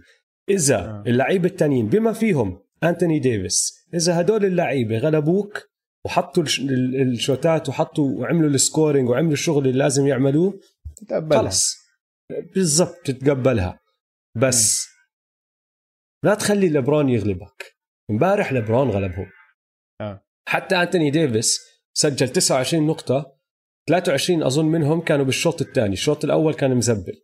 بس لبرون كان قايل لك لا أنا راح أحمل الفريق وراح افوزكم اليوم الشوط الثاني لما خلص سلكت مع أنتوني ديفيس أكثر لبرون خلص كان حاطط اللي بده يعمله كان كل حدا عارف يعني هاي المباراة وأنت عم تحضرها بالشوط الثالث حتى لما يعملوا ال runs تبعونهم كان البليزرز ما في شك كان بعقلي إنه هاي آه. المباراة راح يفوزوها الليكرز ما آه. كنت خايف عليهم فهمت علي؟ أنا أقول لك شغلة أنا اللي كان واضح كثير من المباراة الثالثة إنه البليزرز شكلهم كثير تعبانين أوف صح؟ أنا معك. يعني خاص أنا خاصة الشوط الثاني شكلهم كان تعبان. إنه ديم اسمع. تعبان. نوركيتش طلعت تعبان. عليها. آه. آه. نوركيتش مهلوك. نوركيتش آه. مهلوك. مم. أنا قعدت أطلع على يعني لاحظت نفس الشيء فقعدت أطلع على كمل رقم. بالمباريات التسعة اللي لعبوهم آه، قبل ما يدخلوا ال playoffs يعني الثمانية seeding games وال play اللي لعبوها ضد ممفيس كان التقييم الهجومي تبع البليزرز 122 ونص. أعلى تقييم هجومي بكل ال bubble.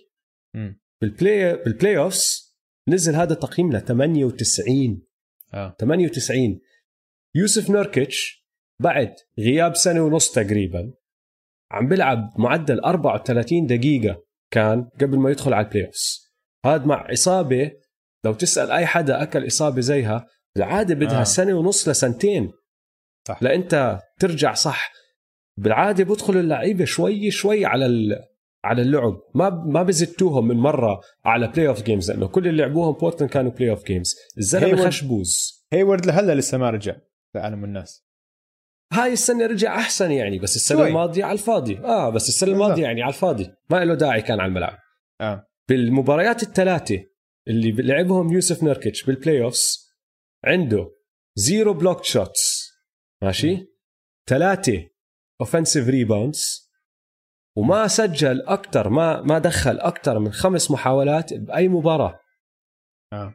وعلى الجهه الدفاعية آه على الجهه الدفاعية قاعدين بيستهدفوه لأنه بيشوفوه مش قادر يتحرك بسرعته مش مش عم ببذل الجهد اللي كان عم ببذله قبل كم المباريات لأنه انهلك. ديميان ليلرد بالمباراة امبارح آخر الشوط الثاني يعني بال quarter الرابع عم بدخل عم بيعمل ال pull-ups اللي هو خلص تعودنا عليه كلهم شورت كلهم شورت آه. عم بضربوا ال rim من قدام. فهمت علي؟ فيش طاقة.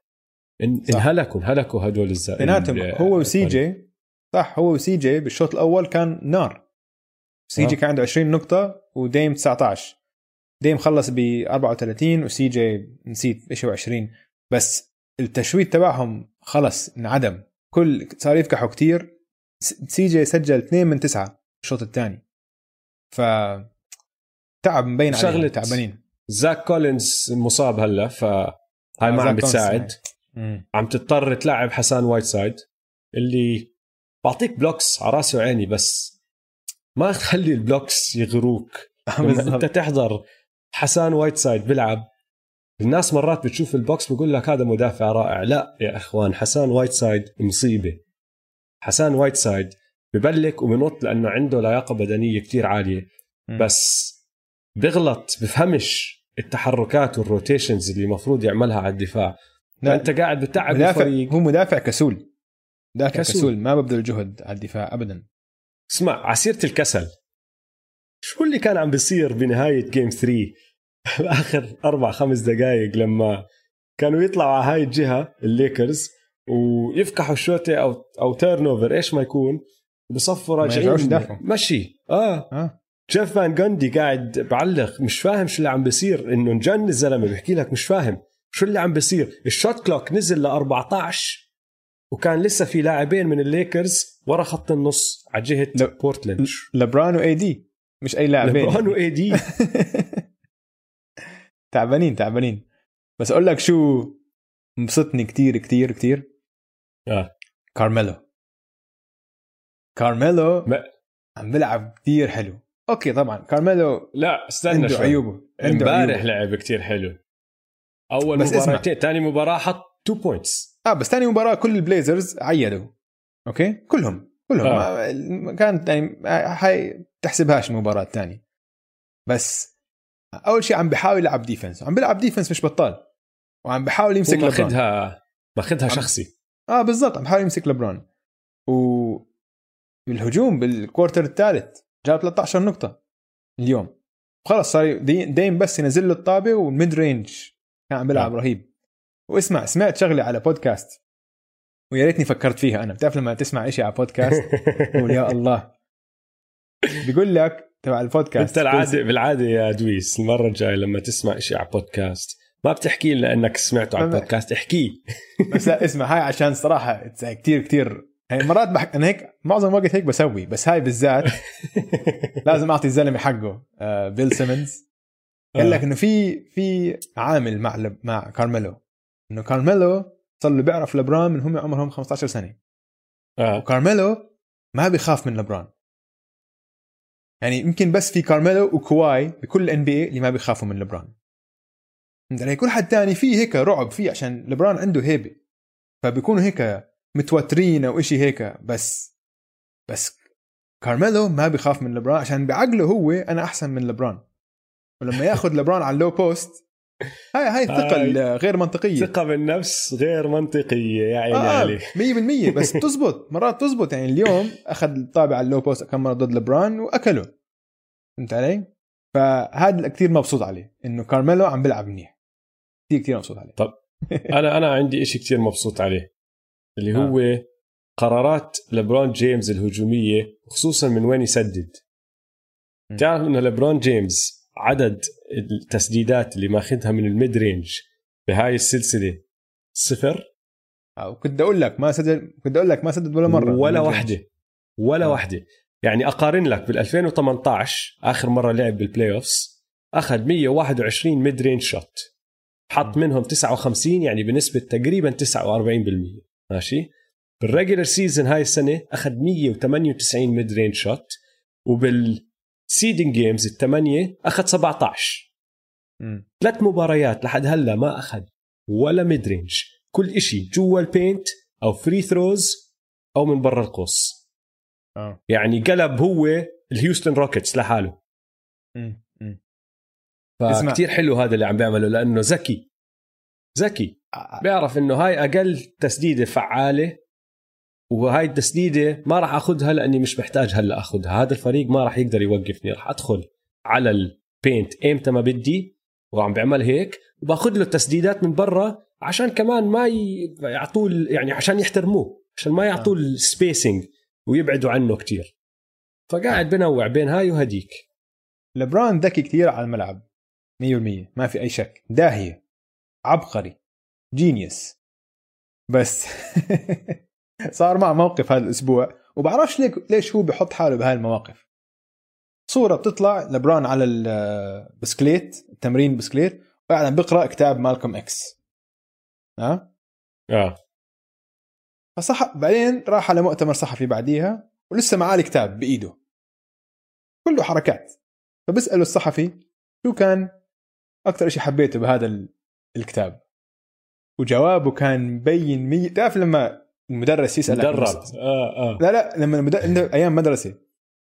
يكون في عندك واجب مثلا إنه تقرأ كتاب وما قرأته يجي المدرس آه. يسألك أنت قرأته؟ تقول له آه طبعا. طب احكي لي شو أكثر شيء بتحبه؟ والله البداية كانت آه، هيك شوي هيك خفيفة القصة بس بعدين تحمست القصة تحسنت القصة بالأخير تعطيهم جواب كتير عامي إنه ممكن ينطبق على أي كتاب. هيك الجواب آه اللي آه، أعطاه آه. عن الكتاب تبع مالكم إكس إنه مش قارئ ولا إشي منه. فهمت علي؟ بس هيك حامله بس إنه... حامله منظر. آه آه. فهاي ضحكتني فيه شوي. فيلم لبران طيب بس اسمع آه، اللي مزعلني أحكي لك مزعلني. آه. آه. يعني بعرف إنه ال NBA بدهم الليكرز ينتصروا. أكيد. إيه و...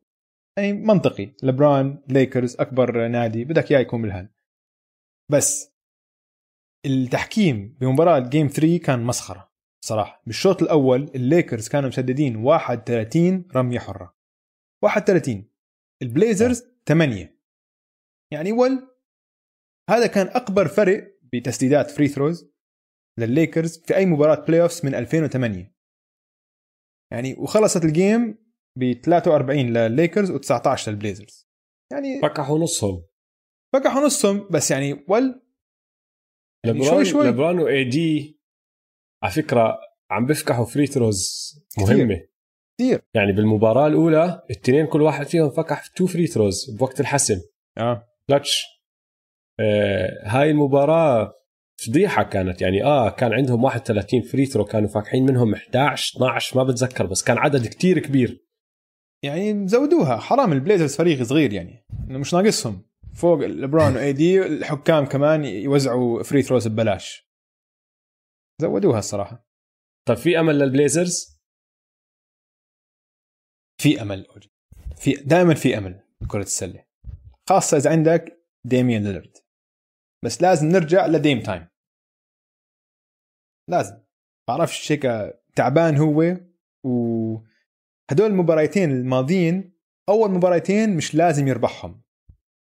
فهمت علي؟ هم أظن البليزرز وديميان ليلرد لازم يكون الوضع إنه لازم نفوز وإلا رح نروح شكله هيك. فإذا Dame Time بضوي ممكن ياخذوهم كمان مباراة أو مباراتين. ممكن. باحسن الحالات يدفشوا السلسلة لسبع مباريات. بس آه، إذا ما صار هذا الحكي وضعهم صعب. شوف المباراة الجاي must win آه إذا صفوا خسرانين 3 1 راحت السلسلة. امم بتفق معك. طيب والليكرز بخوفوا ولا حيروحوا؟ لا مش حيروحوا. خوفوا لبران واي دي يعني نحن اليوم شفنا نسينا نحكي عنها شوي. بلشوا ال pick and roll بين لبران و AD السلاح السري. السلاح السري بلش يطلع آه آه آه. هذا السلاح بخوف. هذا السلاح نار. ال- الليكرز بخوفوا بس عندهم مشكلة كبيرة لازم يحلوها اللي هو عندهم كثير. مشاكل. عندهم كثير آه. مشاكل بس هاي هاي كثير واضحة. مم. مين عم بيلعب بعد كاروسو بعد داني جرين؟ مين ال guard اللي عم بيلعب معهم؟ اللي هو شوي ديون ويترز شوي جي آر. كلهم كلهم عم بيلعبوا وكلهم لعبهم زبالة. آه. ولا واحد فيهم عم بيلعب منيح. ما عم بحكي عن كاروسو وداني بس جي آر سميث على الفاضي. بدي على احكي لك بدي احكي لك إيش سوى جي آر سميث بمباراة اليوم؟ آه. لعب تسع دقائق ولا نقطة ولا assist ولا rebound تعرف قديش صعب تلعب تسع دقائق وما تجيب ولا إشي. rebound ولا assist ولا نقطة؟ كيف سويتها هاي؟ ويعني آه. ديون مش إنه أحسن منه. بقول لك هاي مشكلة لازم تنحل. هلا بعرف مشجعين الليكرز ما راح يحبوها هاي الشغلة بس راجون روندو كان مفروض يلعب بهاي المباراة كان active وهو عم يحمي حس إنه ظهره شد عليه وما لعب. آه. ممكن يجربوا راجون روندو ما بعرف بس بتخوف يا أخي هاي الشغلة. آه بتخوف. طيب والكليبرز نحول على فريق الي الثاني ضد المافز هاي السلسلة عم بصير بالضبط اللي توقعته يصير بس اضرب الدراما بمية. أول إشي بالمباراة الأولى بورزينجس انكحش. هلأ أنا وياك ناقشنا هاي الشغلة. ال ejection تبعه ال technical الثاني. يعني لو تطلع بالقوانين وتنزل فيها هو ejection صح. اللي عملوه الحكام صح بس يا حكام ما بتعملوه بهاي اللحظة. ما بتعملوه. بال play. offs بالضبط. وبمباراة حامية زي هاي لأنه خربوا علينا أول game 100% المافز. لازم لازم تحط شوية آه، منطق. بالضبط. منطق. يعني آه. ما تطلع بالكتاب وتقرأ كل قانون وتطبقه زي ما هو مكتوب بالضبط. لا هاي ما كانت مستاهلة technical تاني. وأنتم عارفين إنه ماخذ ال technical الأول. خلص خربوا علينا المباراة. بس. رجعوا المافز فازوا المباراة الثانية ومستاهلين كانوا كتير يفوزوا هاي المباراة. بعدين طو الكليبرز كواي تحكم بالمباراة الثالثة ورجانا ليش كواي playoff كواي. يعني إشي رجعنا للسنة الماضية بس كتير أحلى السلسلة من ما توقعت راح تكون. فيها أشياء يعني هيك ما توقعتها. يعني الكليبرز على سبيل المثال دخلوا على المباراة الأولى والثانية مروقين زيادة كانوا. يعني نحن صرنا بنحكي من أول الموسم إنه الكليبرز مش سائلين غير بال play دخلوا على ال play ومش معطين أهمية لل play المافز عم بيلعبوا أحلى وعم بيلعبوا بجهد أكثر وعم بنطوا وعم بيلحقوا الطابات أسرع وعم بيعملوا كل إشي بطاقة أكثر من من الكليبرز. صحصحوا الكليبرز ولعبوا بطريقة كتير حلوة بال- بالمباراة الثالثة يعني حتى مع إنه لوكا طلع مصاب ما أثرت كتير ما غيرت آه، نتيجة المباراة كتير لأنه كانوا فايزين باكثر من 10 نقاط أظن كانت 13 أو 15 لما طلع لوكا كانوا رح آه. يفوزوها المافز الكليبرز. بس المافز عندهم يا أخي لوكا. playoff. لوكا. حتى لو ما فازوا هاي السلسلة حتى لو وبصراحة لو لوكا ما رجع أو حتى لو غاب على مباراة واحدة راحت أي فرصة عندهم لل Mavs وأنا مم. بتوقع حتى لو رجع ما راح يفوزوا. بس لوكا يا أخي دخلنا أنا وياك الأسبوع الماضي حكينا إنه متحمسين نشوف لوكا بال playoffs آه. لوكا دخل على ال playoffs زي كأنه ع- يعني شغلته هاي صار له بيعملها 30 سنة. آه. تعرف إنه سجل 70 نقطة بأول مباراتين له بال playoffs هذا تاني أعلى مجموع نقاط تسجل بتاريخ ال NBA بأول مباراتين للاعب بال playoffs بعد مين؟ بعد واحد اسمه جورج مايكان لعب بال 1949 حط 75 نقطة بأول مباراتين. بال 1949 ما كنا عم نحضر ال NBA كان إشي تاني. ما بنحسبه هدول. آه. فانسى لي جورج مايكان انسى لي اللي عمله بالدوري بال 49 لوكا أول مباراتين حط نقاط أكثر من أي لاعب تاني عم بدخل على ال playoffs لأول مرة. آه. ال 42 نقطة اللي حطهم ب game 1 كانوا أعلى مجموع نقاط للاعب بأول مباراة له بال playoff بالتاريخ. وكانوا ثاني أعلى مجموع نقاط. للاعب عمره 21 أو أقل. كمان بالتاريخ بعد مين؟ لبرون جيمس اللي حط 45 بال 2006 وغير هيك وهذا الإشي اللي أنا كتير مكيف عليه. طلع مشكلجي لوكا.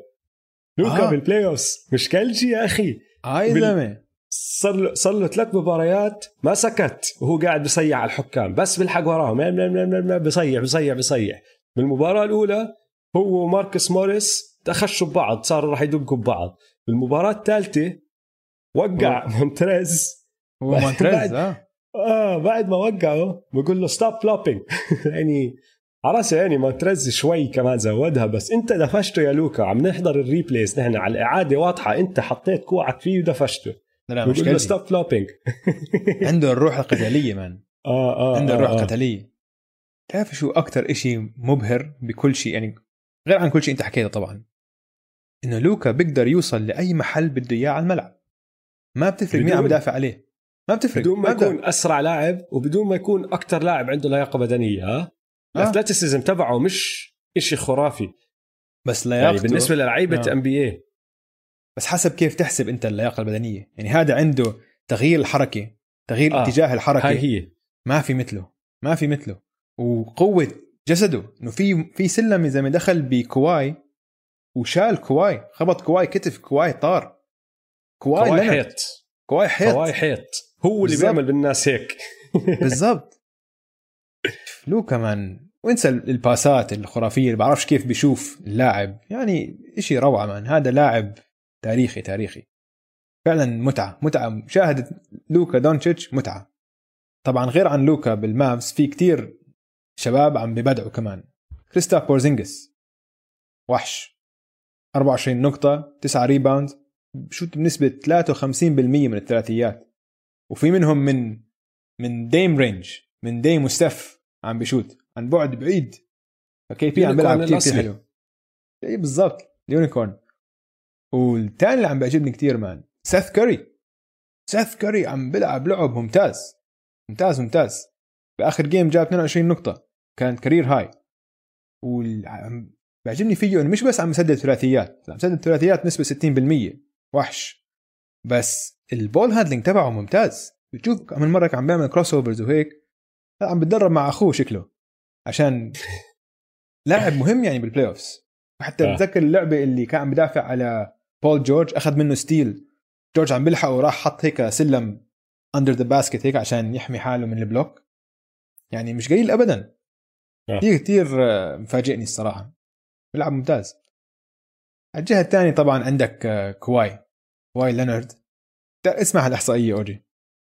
كواي لينارد عم بيشوت بنسبة 50% من الملعب 40% من الثلاثيات و90% من ال free throws لآخر أربع مواسم بال playoffs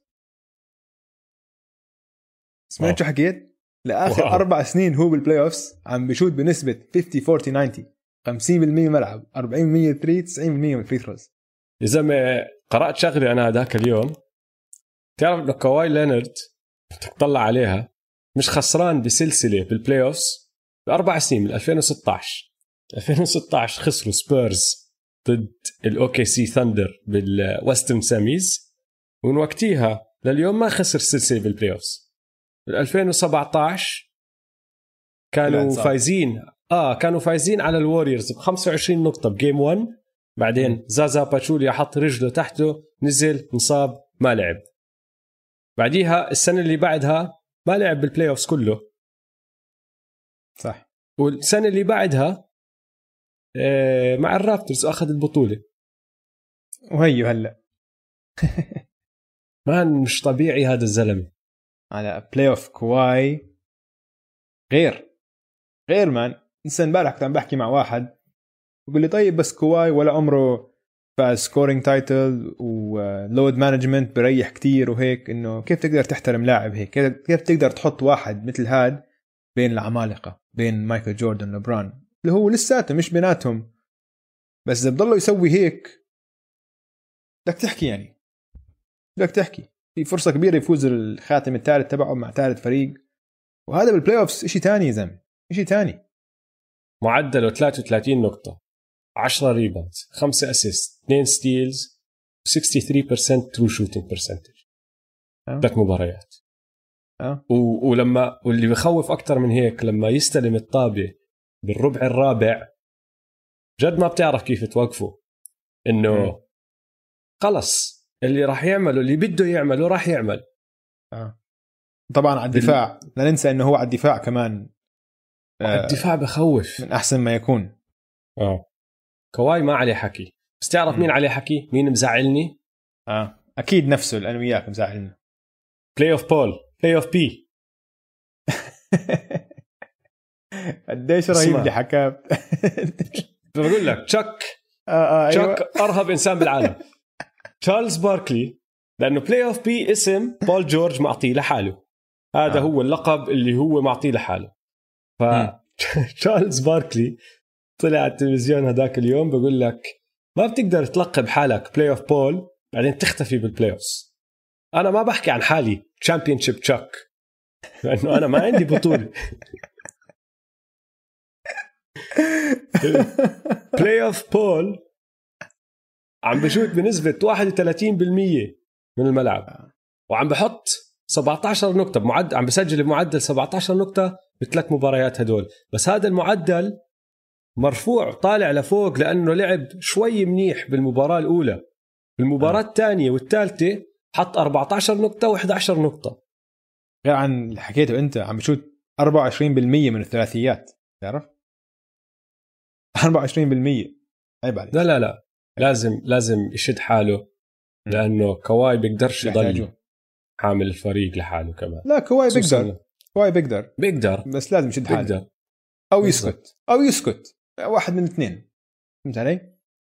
بصير تتفلسف وكمان تخبص حكي. صح. مفتاح الفوز للشباب. والله يا دويس دوك ريفرز. دوك ريفرز مدرب رائع ودوك ريفرز عمل حركاته قبل المباراة الثالثة. شاف إنه الوضع مش ظابط؟ وعمل له كم حركة هلا راح أحكي لك إياهم.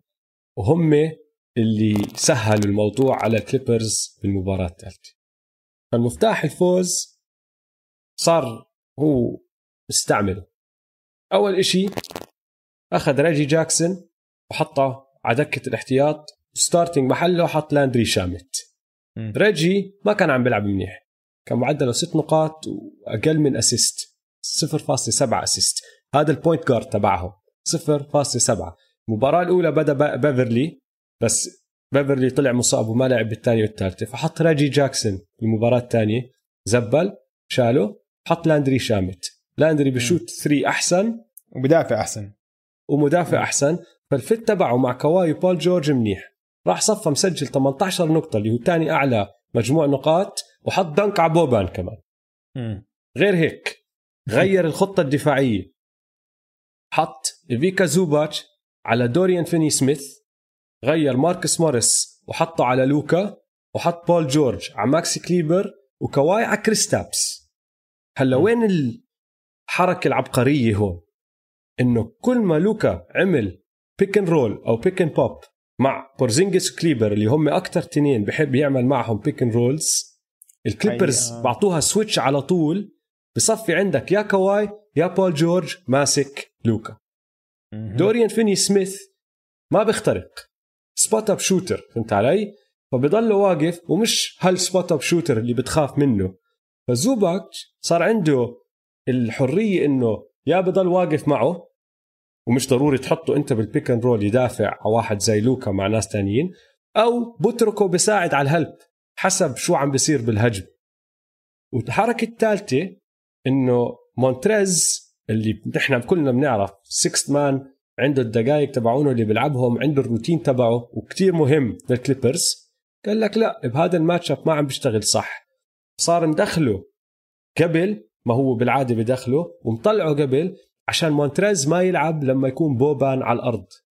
أول ما بوبان يدخل الملعب بطلع مونتريز وبدخل زوباش. فعمل حركاته هدول وشفنا اللي صار. الكليبرز اللي شفناهم بالمباراة الثالثة كتير غير عن الكليبرز اللي شفناهم بأول مباراتين. وفي أشياء لسه ما شفناها كتير. يعني شكله الكليبرز لسه عم بيخبوا أشياء للجولات الثانية. ال pick and roll بين لو وهارل ما شفناها كتير. أظن لك خلص بنشوف كمان مباراتين وبتخلص. ممكن ممكن ممكن المافز يسرقوا هون هناك مباراة تصفي 6 games آه. بدل ما تكون 5 games بس أنا بتوقع 5 رح تخلص. خاصة لأنه بعد إصابة لوكا. هلا ال MRI بتقول لك النتائج كانت يعني مطمئنة. بس آه. في التواء بالكاحل يعني ف بقول لك قبل ال game بقرروا هلا هو حيلعب أكيد. شفناه رجع على نفس المباراة حيرجع. بس آه. كيف حيكون مستواه؟ كيف حتغلبه رجله ولا لا؟ بنشوف. حركته آه. فعاليته كل هالأمور هاي. طيب أوجي بخوفوا ولا حيروحوا بخوفوا كتير. خوفوا كتير كتير. الكليبرز بخوفوا كتير. معك. الدنفر ناجتس واليوتا جاز. آه. شو عم بيصير بهاي السلسلة يا دويس؟ والله شوف. أول مباراة كانت متقاربة زي ما نحن توقعنا. overtime وكانت مباراة رائعة الصراحة. بالأخير كانت دونيفن ميتشل جمال ماري دونيفن ميتشل جاب 57 نقطة. جمال ماري جاب 36 ممتاز. بس من وقتها بعد المباراة الأولى بعرف شو صار بالدنفر ناجتس والجاز صاروا كثير متفوقين عليهم. ربحوا آخر المباراتين بسهولة. ودفاع دنفر ناجتس زبالة. زبالة زبالة. آه بالأرض. يعني نزل بالأرض. بالارض هلا هلا اسمع. في كتير عندك الصحافه أنا بسميهم التحليل الكسلان. اللي بس عم بيطلعوا على مايكل بورتر جونيور ابني. وعم بلوموا كل بلوموا كل مصايبهم على مايكل بورتر جونيور. بس الفريق كله ما عم بدافع ولا حد فيهم عم بدافع. yes مايكل جو مايكل بورتر جونيور 100% مدافع سيء بس الفريق كله عم بيلعب إيه؟ سيء. تعترف فيها هلا؟ آه صراحة أبو ضايع مايكل. الدفاع. ضايع ضايع أبو الدفاع. مايكل. مبين عليه اسمع زي زي كيف الغزال الغزال الطفل؟ هيك ضايع ضايع. ما عندوش أي. فكرة وين يروح. بس هذا اللي معصبني إنه بعد المباراة الأولى كل كل الحكي كان بالإعلام عن مايكل بورتر جونيور أو يمكن اللي أنا بنتبه له عم بيحكوا عن مايكل بورتر جونيور. بس دونيفن ميتشل اللي جاب فيك 57 نقطة تعرف كم نقطة مسجل على مايكل بورتر جونيور كان؟ كم؟ من من ال 57 احصر قديش؟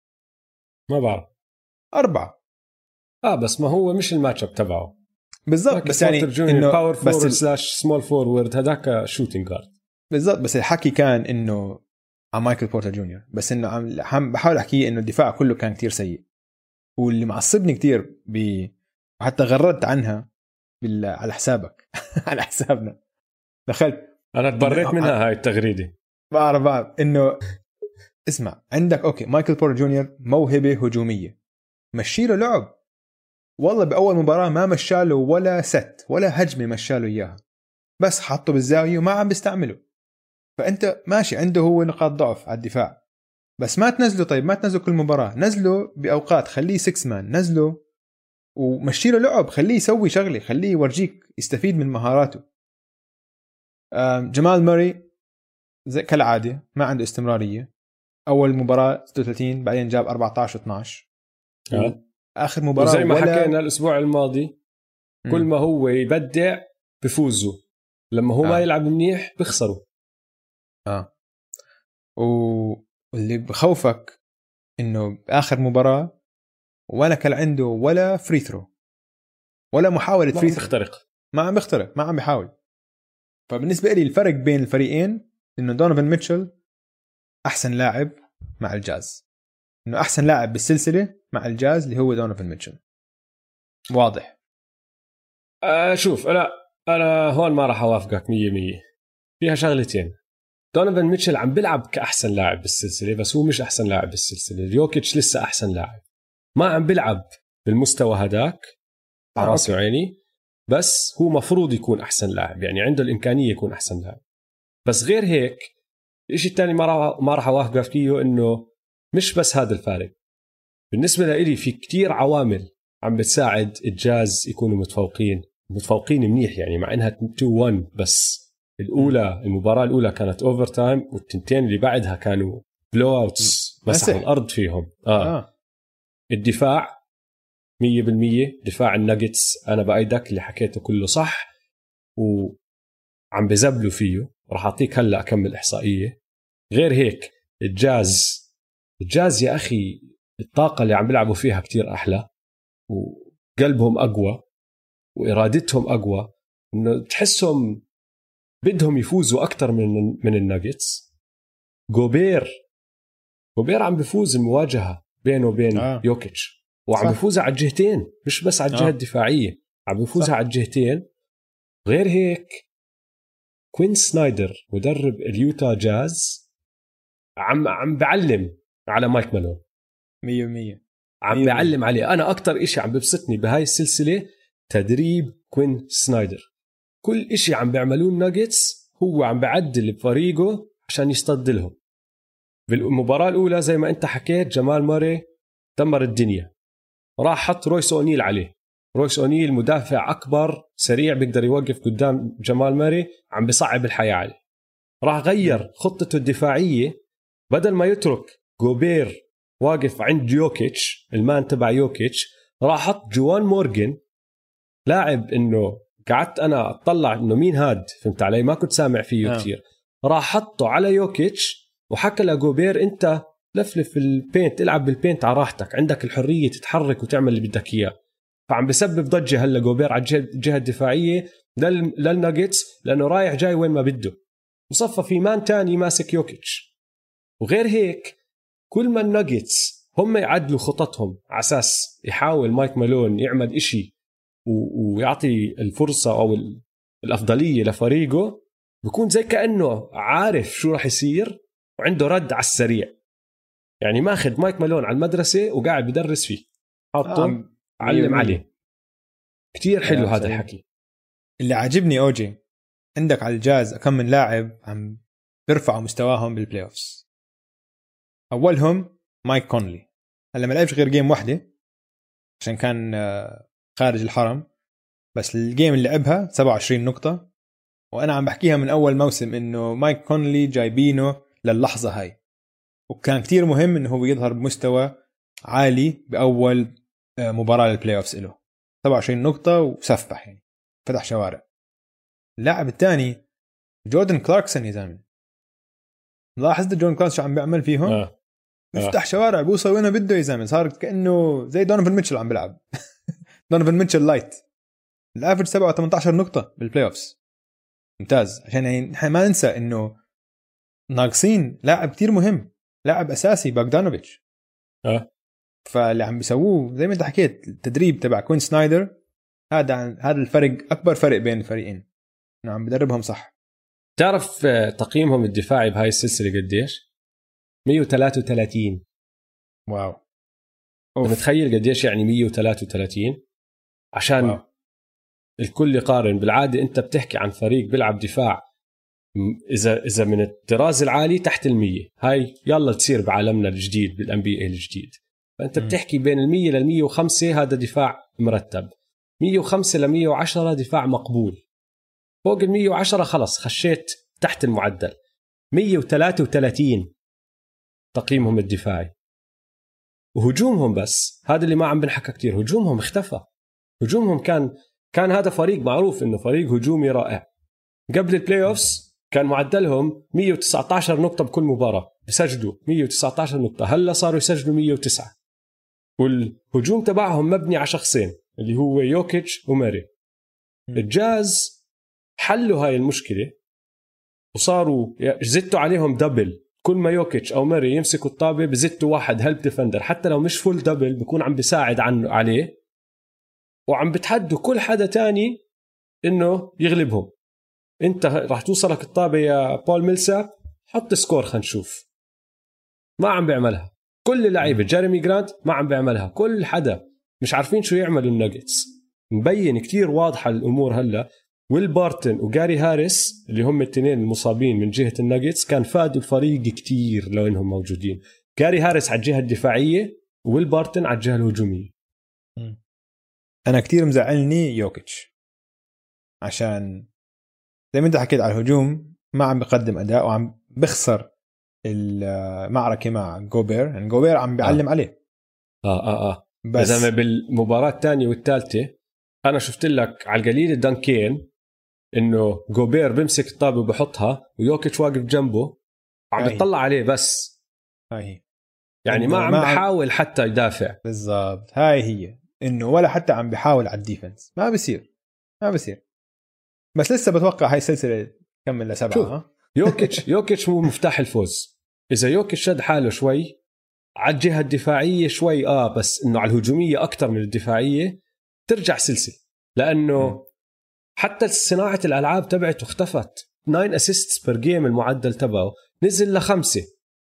مم. هو عنده الحجم إنه يصعب الحياة على جوبير وعلى جوان مورجن اللي ما حدا كان عارف مين هو قبل هاي السلسلة.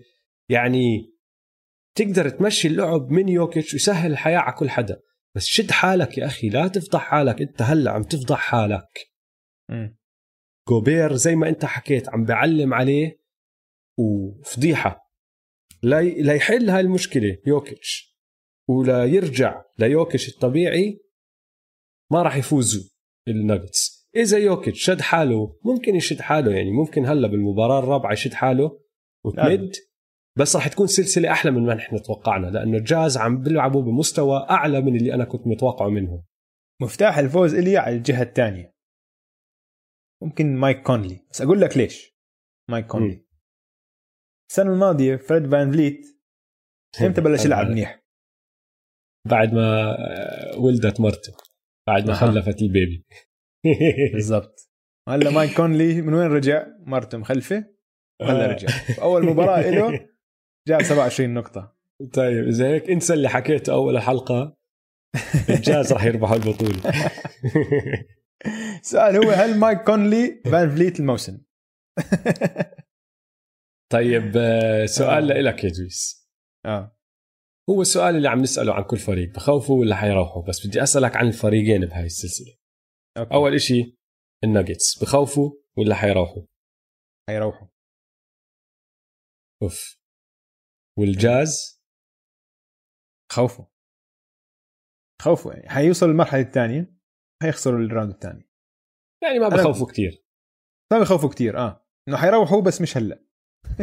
أنا أنا لسه حاسس الناجتس بيقدروا يعدلوا اكمل شغلة هون هناك ويفوزوا بالسلسلة. بس جوابي لهالسؤال إنه لا هاد ولا هداك بخوفوا كتير. يعني لو أنا هلأ الكليبرز وشايف شو عم بيصير بين هدول الفريقين ما بكون خايف من لا هذا الفريق ولا هداك الفريق. متذكر اوجي عكس. وقت ال متذكر اوجي وقت الحجر الصحي وقت الكورونا؟ آه. آه. في مرة أنا طلع- طلعت بفكرة. ولازم فكرة جد لو أنا آه تذكرتها. إنه الناجتس والجاز. لازم يندمجوا ويصيروا فريق واحد. آه تذكرتها. ما لهمش طعمه هذول الفريقين؟ ما لهمش طعمه اثنيناتهم حيضلوا طول عمرهم بهاي الطبقة. اللي هم مش زبالة ما حينزلوا من ال playoffs وما حينافسوا. أما لو يدمجوا الفريقين مع بعض وذكرت اكم من إشي متشارك بين الفريقين. اللوجو تبعتهم فيها جبال آه. الألوان متقاربة حتى دونيفن ميتشل ورودي جوبير درافتوهم الناجتس بعدين صار في صفقة بعتوهم للجاز. يعني في كتير هيك تشابكات. فهم أملهم الوحيد إنهم يندمجوا يصيروا فريق واحد عشان يصير- يصيروا ينافسوا الكليبرز والليكرز. ونرجع فريق على سياتل. ساعتها بصيروا يخوفوا. آه بعدين الفريق الثاني طبعا نزل رجعوا سياتل.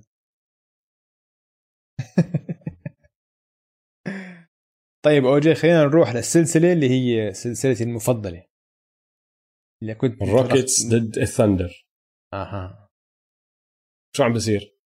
صارت interesting آه. أول مباراتين شكله كان ال- ال- الروكيت شكلهم داعسين مسيطرين على الأمور بس امبارح OKC رجعوا فازوا المباراة الثالثة فهلا الروكيتس غالبين 2-1 بس الروكيتس أقزام أقزام هيوستن يا اوجي دفاعهم رائع اسمع هاي السلسله رائع. كثير ممتعة كثير ماشي؟ ممتع كثير. كثير ممتعة حتى مع إنه أول مباراتين ما كانوا قراب كثير والروكت زي ما أنت حكيت داعسين بس تسليت فيهم كثير.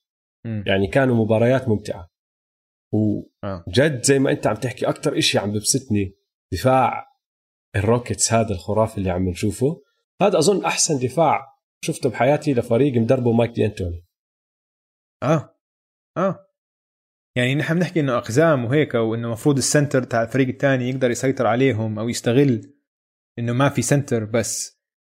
هذول أحجام ترى آه؟ يعني بي جي تكر دبابة جثة.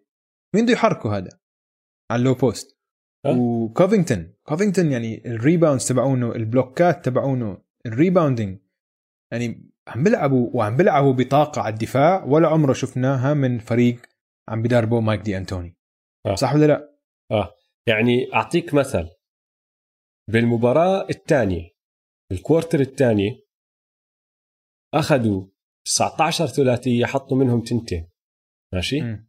يعني بالعادة لفريق زي الروكيتس زي هدول الروكيتس هذا لما خلص تسكر عليهم من برا القوس معناته خسارة. صح. ويعني ما بدي ارجع ذكريات مؤلمة لكل الروكيتس بس أنتم بتعرفوا عن أي مباراة game 7 2018 مم. أكبر مثال لهذا الشيء آه. بس بهاي المباراة الدفاع تبعهم سمح لهم إنهم يضلوا بالمباراة مع إنهم فكحوا كل هال 17 three بس حطوا تنتين بهذا ال quarter سمح لهم الدفاع تبعهم إنهم يضلهم ينافسوا مع الثندر وبال quarter الثالث ال- الثلاثيات رجعت وصارت تدخل وفازوا. آه. هذا ما بتصير بالعادة ما بتصير هاي الشغلة لما يكون على فريق عم بدربه مايك دي أنتوني عم بيلعب. إذا الثلاثيات سكرت معك راحت عليك. بالضبط. عم بيلعبوا بدون راسل ويستبروك اللي هو كان ممكن نحكي إنه كان أحسن لاعب لهم آخر شهرين من الموسم. وجيمس هاردن ما عم بيلعب منيح. ولساتهم يعني اليوم OKC بالزور لآخر ثانية لفازوا و overtime واضطروا كل لعبتهم. يعني CP3 وشي ودينيس شرودر ودانيلو لعبوا منيح. قال ناري ويا دوب فازوا عليهم. عشان دفاعهم رائع. هاردن عم بشوت بنسبة 21% من الثلاثيات باخر مباراتين المباراة الأولى حط 6 أخذ 13 فتحت ال 50% بشوي وضعه تمام. بس المباراه الثانية والثالثه آه. 21% عم بشوت. وزي ما أنت حكيت عم بيلعبوا بدون رس والفوز الانتصار الوحيد للثندر اجى من مباراة اضطروا يروحوا يلعبوا فيها overtime وهاردن fouled out. مم. يعني الروكيتس عم بيصعبوا كل شيء على ال OKC ثندر. أنا عجبني كثير إنه الروك ال ال OKC رجعوا حاربوا ورجعوا فازوا المباراة الثالثة. عشان كنت. خايف عليهم صراحة. كنت خايف إنه معقول كريس بول هيك يخسر خلص ينمسح من ال playoffs ضد فريقه مو- السابق. بعد فريق بعد موسم رائع. مع إنه اليوم لا. كنت راح اليوم كنت راح أذبحه عشان بآخر المباراة بآخر الوقت العادي. كانت معاه الطابة. بعرفش شو سوى. ما بعرف إنه أنا لو إني كريس بول شو بتسوي أنت؟ شو أكثر شيء كريس بول شاطر فيه؟ mid 1 range 1 mid range shot mid range ليش دخلت سلم ورميت هيك ورا؟ سلم غريب. أول مرة بحياتك تشوفه بتعمله. بس ما كان ما يعني كانت قريبة على فكرة. كان سلم غريب. آه بس غريبة بس بس ليش؟ ليش؟ كانت هيك أنت عندك. شيء مضمون. عندك شيء مضمون. mid range crossover شوية step back mid range كان خلصت ال game صح ولا لا؟ صح. الشيء الثاني كثير مبسوط عليه اللي هو شي جلجس. شي جلجس. شفت التسديدة اليوم اللي جابها ثلاثيه آه. رائع. هذا نجم آه راح يطلع نجم. حيطلع نجم. آه. لسه بعرفش إذا جاهز عشان لا لا مش جاهز. مش ب- جاهز. آه بالضبط. إنه بعد ما شفنا أول مباراتين خاصة بعد أول مباراتين أنا بعقلي إنه لا اسمع الروكيتس فريق جاهز أكثر لهاي اللحظة. هاي هي. و... آه. ال- ال- والروكيتس الثندر آه. لسه للمستقبل مبنيين. حوالين شي. لأنه ماشي عندهم اللعيبة الكبار المخضرمين بس م. زمن كريس بول راح.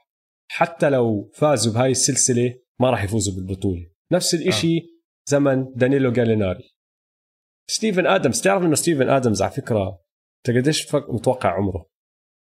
لا صغير بعرف إنه صغير آه. ستيفن آدم صار له مليون سنة بال NBA آه. فالواحد بحسه كبير بس 26 ولا 27 بالكثير هو لسه صغير يعني فهمت علي؟ آه.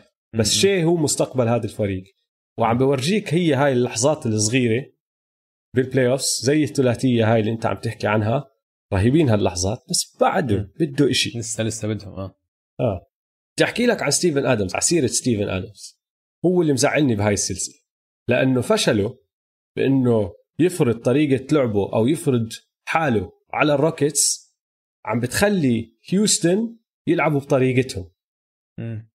ستيفن آه. آدمز أطول أقوى من أي لاعب حتى الدبابة بي جي تاكر ستيفن ادمز قوي زيه بس أطول منه بكتير. مش. مفروض أنت ستيفن ادمز يكونوا عم بيلعبوا حواليك وبيكحشوك من الملعب لأنه هو جد هلأ صارت شغلة إنه ما عم بيقدروا يلعبوه. حتى بنهاية ال quarter الرابع ب game 3 ستيفن ادمز اللي هو دائما موجود معهم اللي هو نحن عارفين آه، الثندر عندهم خماسي أقوى خماسي بكل ال NBA كان بال regular season بنهي فيه كل مبارياتهم. كريس بول صح. شي جيلجس آه، دانيلو جاليناري دانيس شرودر وستيفن ادمز صح. ما لعبوا ستيفن ادمز لأنه مش قادرين لأنه. جد ما عم بيعمل إشي ما عم بفرض حاله على الفريق. مفروض تفرض حالك وتخلي هدلاك يلعبوا بطريقتك مش أنت تلعب بطريقتهم. فأنا مزعلني ستيفن ادمز آه والله حق أنا كمان. بس في سبب تاني ليش ما لعبوه بآخر المباراه الثالثه عشان في واحد لازم يحطوه على الملعب. المدرب ما بيقدر ما يحطه على الملعب. دورت؟ اللي هو مف... آه. لوجنس دورت أيوه. هذا مفتاح الفوز. لوجنس دورت ده دورت. جسمه مثل هاردن بس أصغر من هاردن بعشر سنين. وعم بدافع على هاردن دفاع رائع. أحسن واحد شفته من زمان بدافع على هاردن. صح؟ أعطيك إحصائيات. لأنه لوجنس دورت ديلما لوجنس دورت ماشي؟ مم. شوف هاردن عم بشوت بنسبة 21% لما يكون دورت المدافع الرئيسي عليه. 4 من 19 لما يكون أي حدا تاني عم بدافع على هاردن عم بشوت بنسبة 57% اسمع هاي أنت بس بهاي السلسلة آه؟ بس بهاي السلسلة. أحكي لك بكل السنة عشان دورت سوى هيك بهاردن بالموسم كمان. من كل الموسم. لو بتسحب تحسب الموسم زائد ال playoffs جيمس هاردن مسجل خمسة من 34 يعني 15% لما على لوجن دورت عم دافع دورت آه بس تعرف؟ شو مشكلته دورت؟ إنه بيعرفش يهاجم بيعرفش يشوت ريال بيعرفش يشوت فمشان هيك بقول لك dilemma يا آه. أخي لأنه أنت لو محل بيلي دونيفن بدك إياه يضل على الملعب لأنه عم بغلب هاردن كتير مم. بس كل ما هو يكون على الملعب على الجهة الهجومية ال double دائما جاي من ال man تبعه تاركينه بتركوه فاضي. تاركينه فاضي. فاضي. آه. شوت. مش سائلين فيك. شوت. قد ما بدك مش خايفين منك. صح. فبدك تلعبه بس كمان ما بدك تلعبه. وطبعا لما يكون في timeouts يكون في هالأمور هاي تقدر تدخله وتطلعه. بس إذا عم تلعب وتمد تحطه ولا ما تحطه؟ هذا السؤال. آه. فهو جد المفتاح. هو مفتاح الفوز. هو بس. للأسف يا دويس اعطيك إحصائية. قول لي. أنا أظن الروكيتس لسه راح ياخذوها بتاريخ ال NB A لا شكله آه حياخذوها تاريخ ال NBA في 417 سلسلة تقدم فيها فريق 2-0 على الفريق الثاني من ال 417 390 فازوهم الفريق اللي تقدم 2-0 يعني أوف. 93% أوه. فالتاريخ ضد الثندر. وجيم 4 اللي جاي هلا راح تكون هي المباراة الحاسمة. إذا فازوا game 4 راح تصفي سلسلة من أول وجديد. فريق لازم يفوز مرتين من ثلاثة. صحيح. بخوفوا ولا حيروحوا؟ خوفوا الفريقين بخوفوا. طيب لو إنك الليكرز أو الكليبرز أو أي فريق تاني ممكن يواجههم بال playoffs تخاف من مين أكثر من الروكيتس. أنا كمان عشان الروكيتس سقفهم أعلى. الروكيتس يعني الروكيتس عم بيكسروا أرقام قياسية بعدد تسديدات الثلاثيات. ب game 2 جاته 55 ثلاثية. ممكن أي يوم يجيبوا 50% من هدول. آه. 40% وعم بيلعبوا وخلاص بدون رس. هاي نقطة كتير قوية. عم بيلعبوا بدون راسل ويستبروك لسه بدون راسل ويستبروك هيك عم بيعملوا. آه. وعم بيلعبوا دفاع. عم بيلعبوا دفاع. دفاعهم فظيع. فظيع. آه. فظيع. برافو عليهم. احترامات يعني. احتراماتي. للروكيتس. دفاعهم رائع. طيب أخبار البورصة على السريع كتير. على السريع ماشي. آه سهم طالع تري بيرك مع دالاس. آه حلو. بدخل آه ك sixth man ممتاز. سيث كوري حكينا عنه شوي كمان. فيعني هدول بحطهم مع بعض. سيث كوري وتري بيرك ال bench تبع دالاس ممتاز. آه. دراجيتش 23 نقطة 6 اسيس 48% من الثلاثيات. بدي أحكي لك شغلة بس شاك حكى عنه إشي حلو كتير. قال هذا بحترمه كتير. في بس لاعبين بكل مسيرتي اللي ما سويت فيهم مقالب لما كانوا rookies عشان بحترمهم بحترم قديش هم قوايا. اللي هم كوبي ودراجيتش. كان يلعب كوبي كان خايف منه لأنه. بالضبط. وكمان تخيل تعمل من... مقلب بكوبي. بس كمان كان بيخاف من دراجيتش. هلا لا اسمع. هلا سوى فيهم مقالب بس حكى لهم إنه آه. لازم أسوي فيكم آه. مقلب فجهز آه. يعني. أنت عندك أسهم طالعة؟ أنا عندي جيف جرين سهم طالع كتير لأنه جيف جرين أعطى الروكيتس شغلة كتير حلوة. الزلمة عم بسجل بمعدل 19.7 بال playoff و7 rebounds وعم بعطيهم حجم بدون ما يخرب طريقة لعبهم. عم بعطيهم واحد طويل شوي أطول من كل اللعيبة التانيين بس ما عم بيضطروا يلعبوا مع center لأنه جيف جرين بيقدر يشوت من برا القوس بيقدر يعمل كل شيء بيعملوه هم. فسهم طالع حبيت لعبه كتير. السهم الطالع الثاني عندي فريد فان فليت.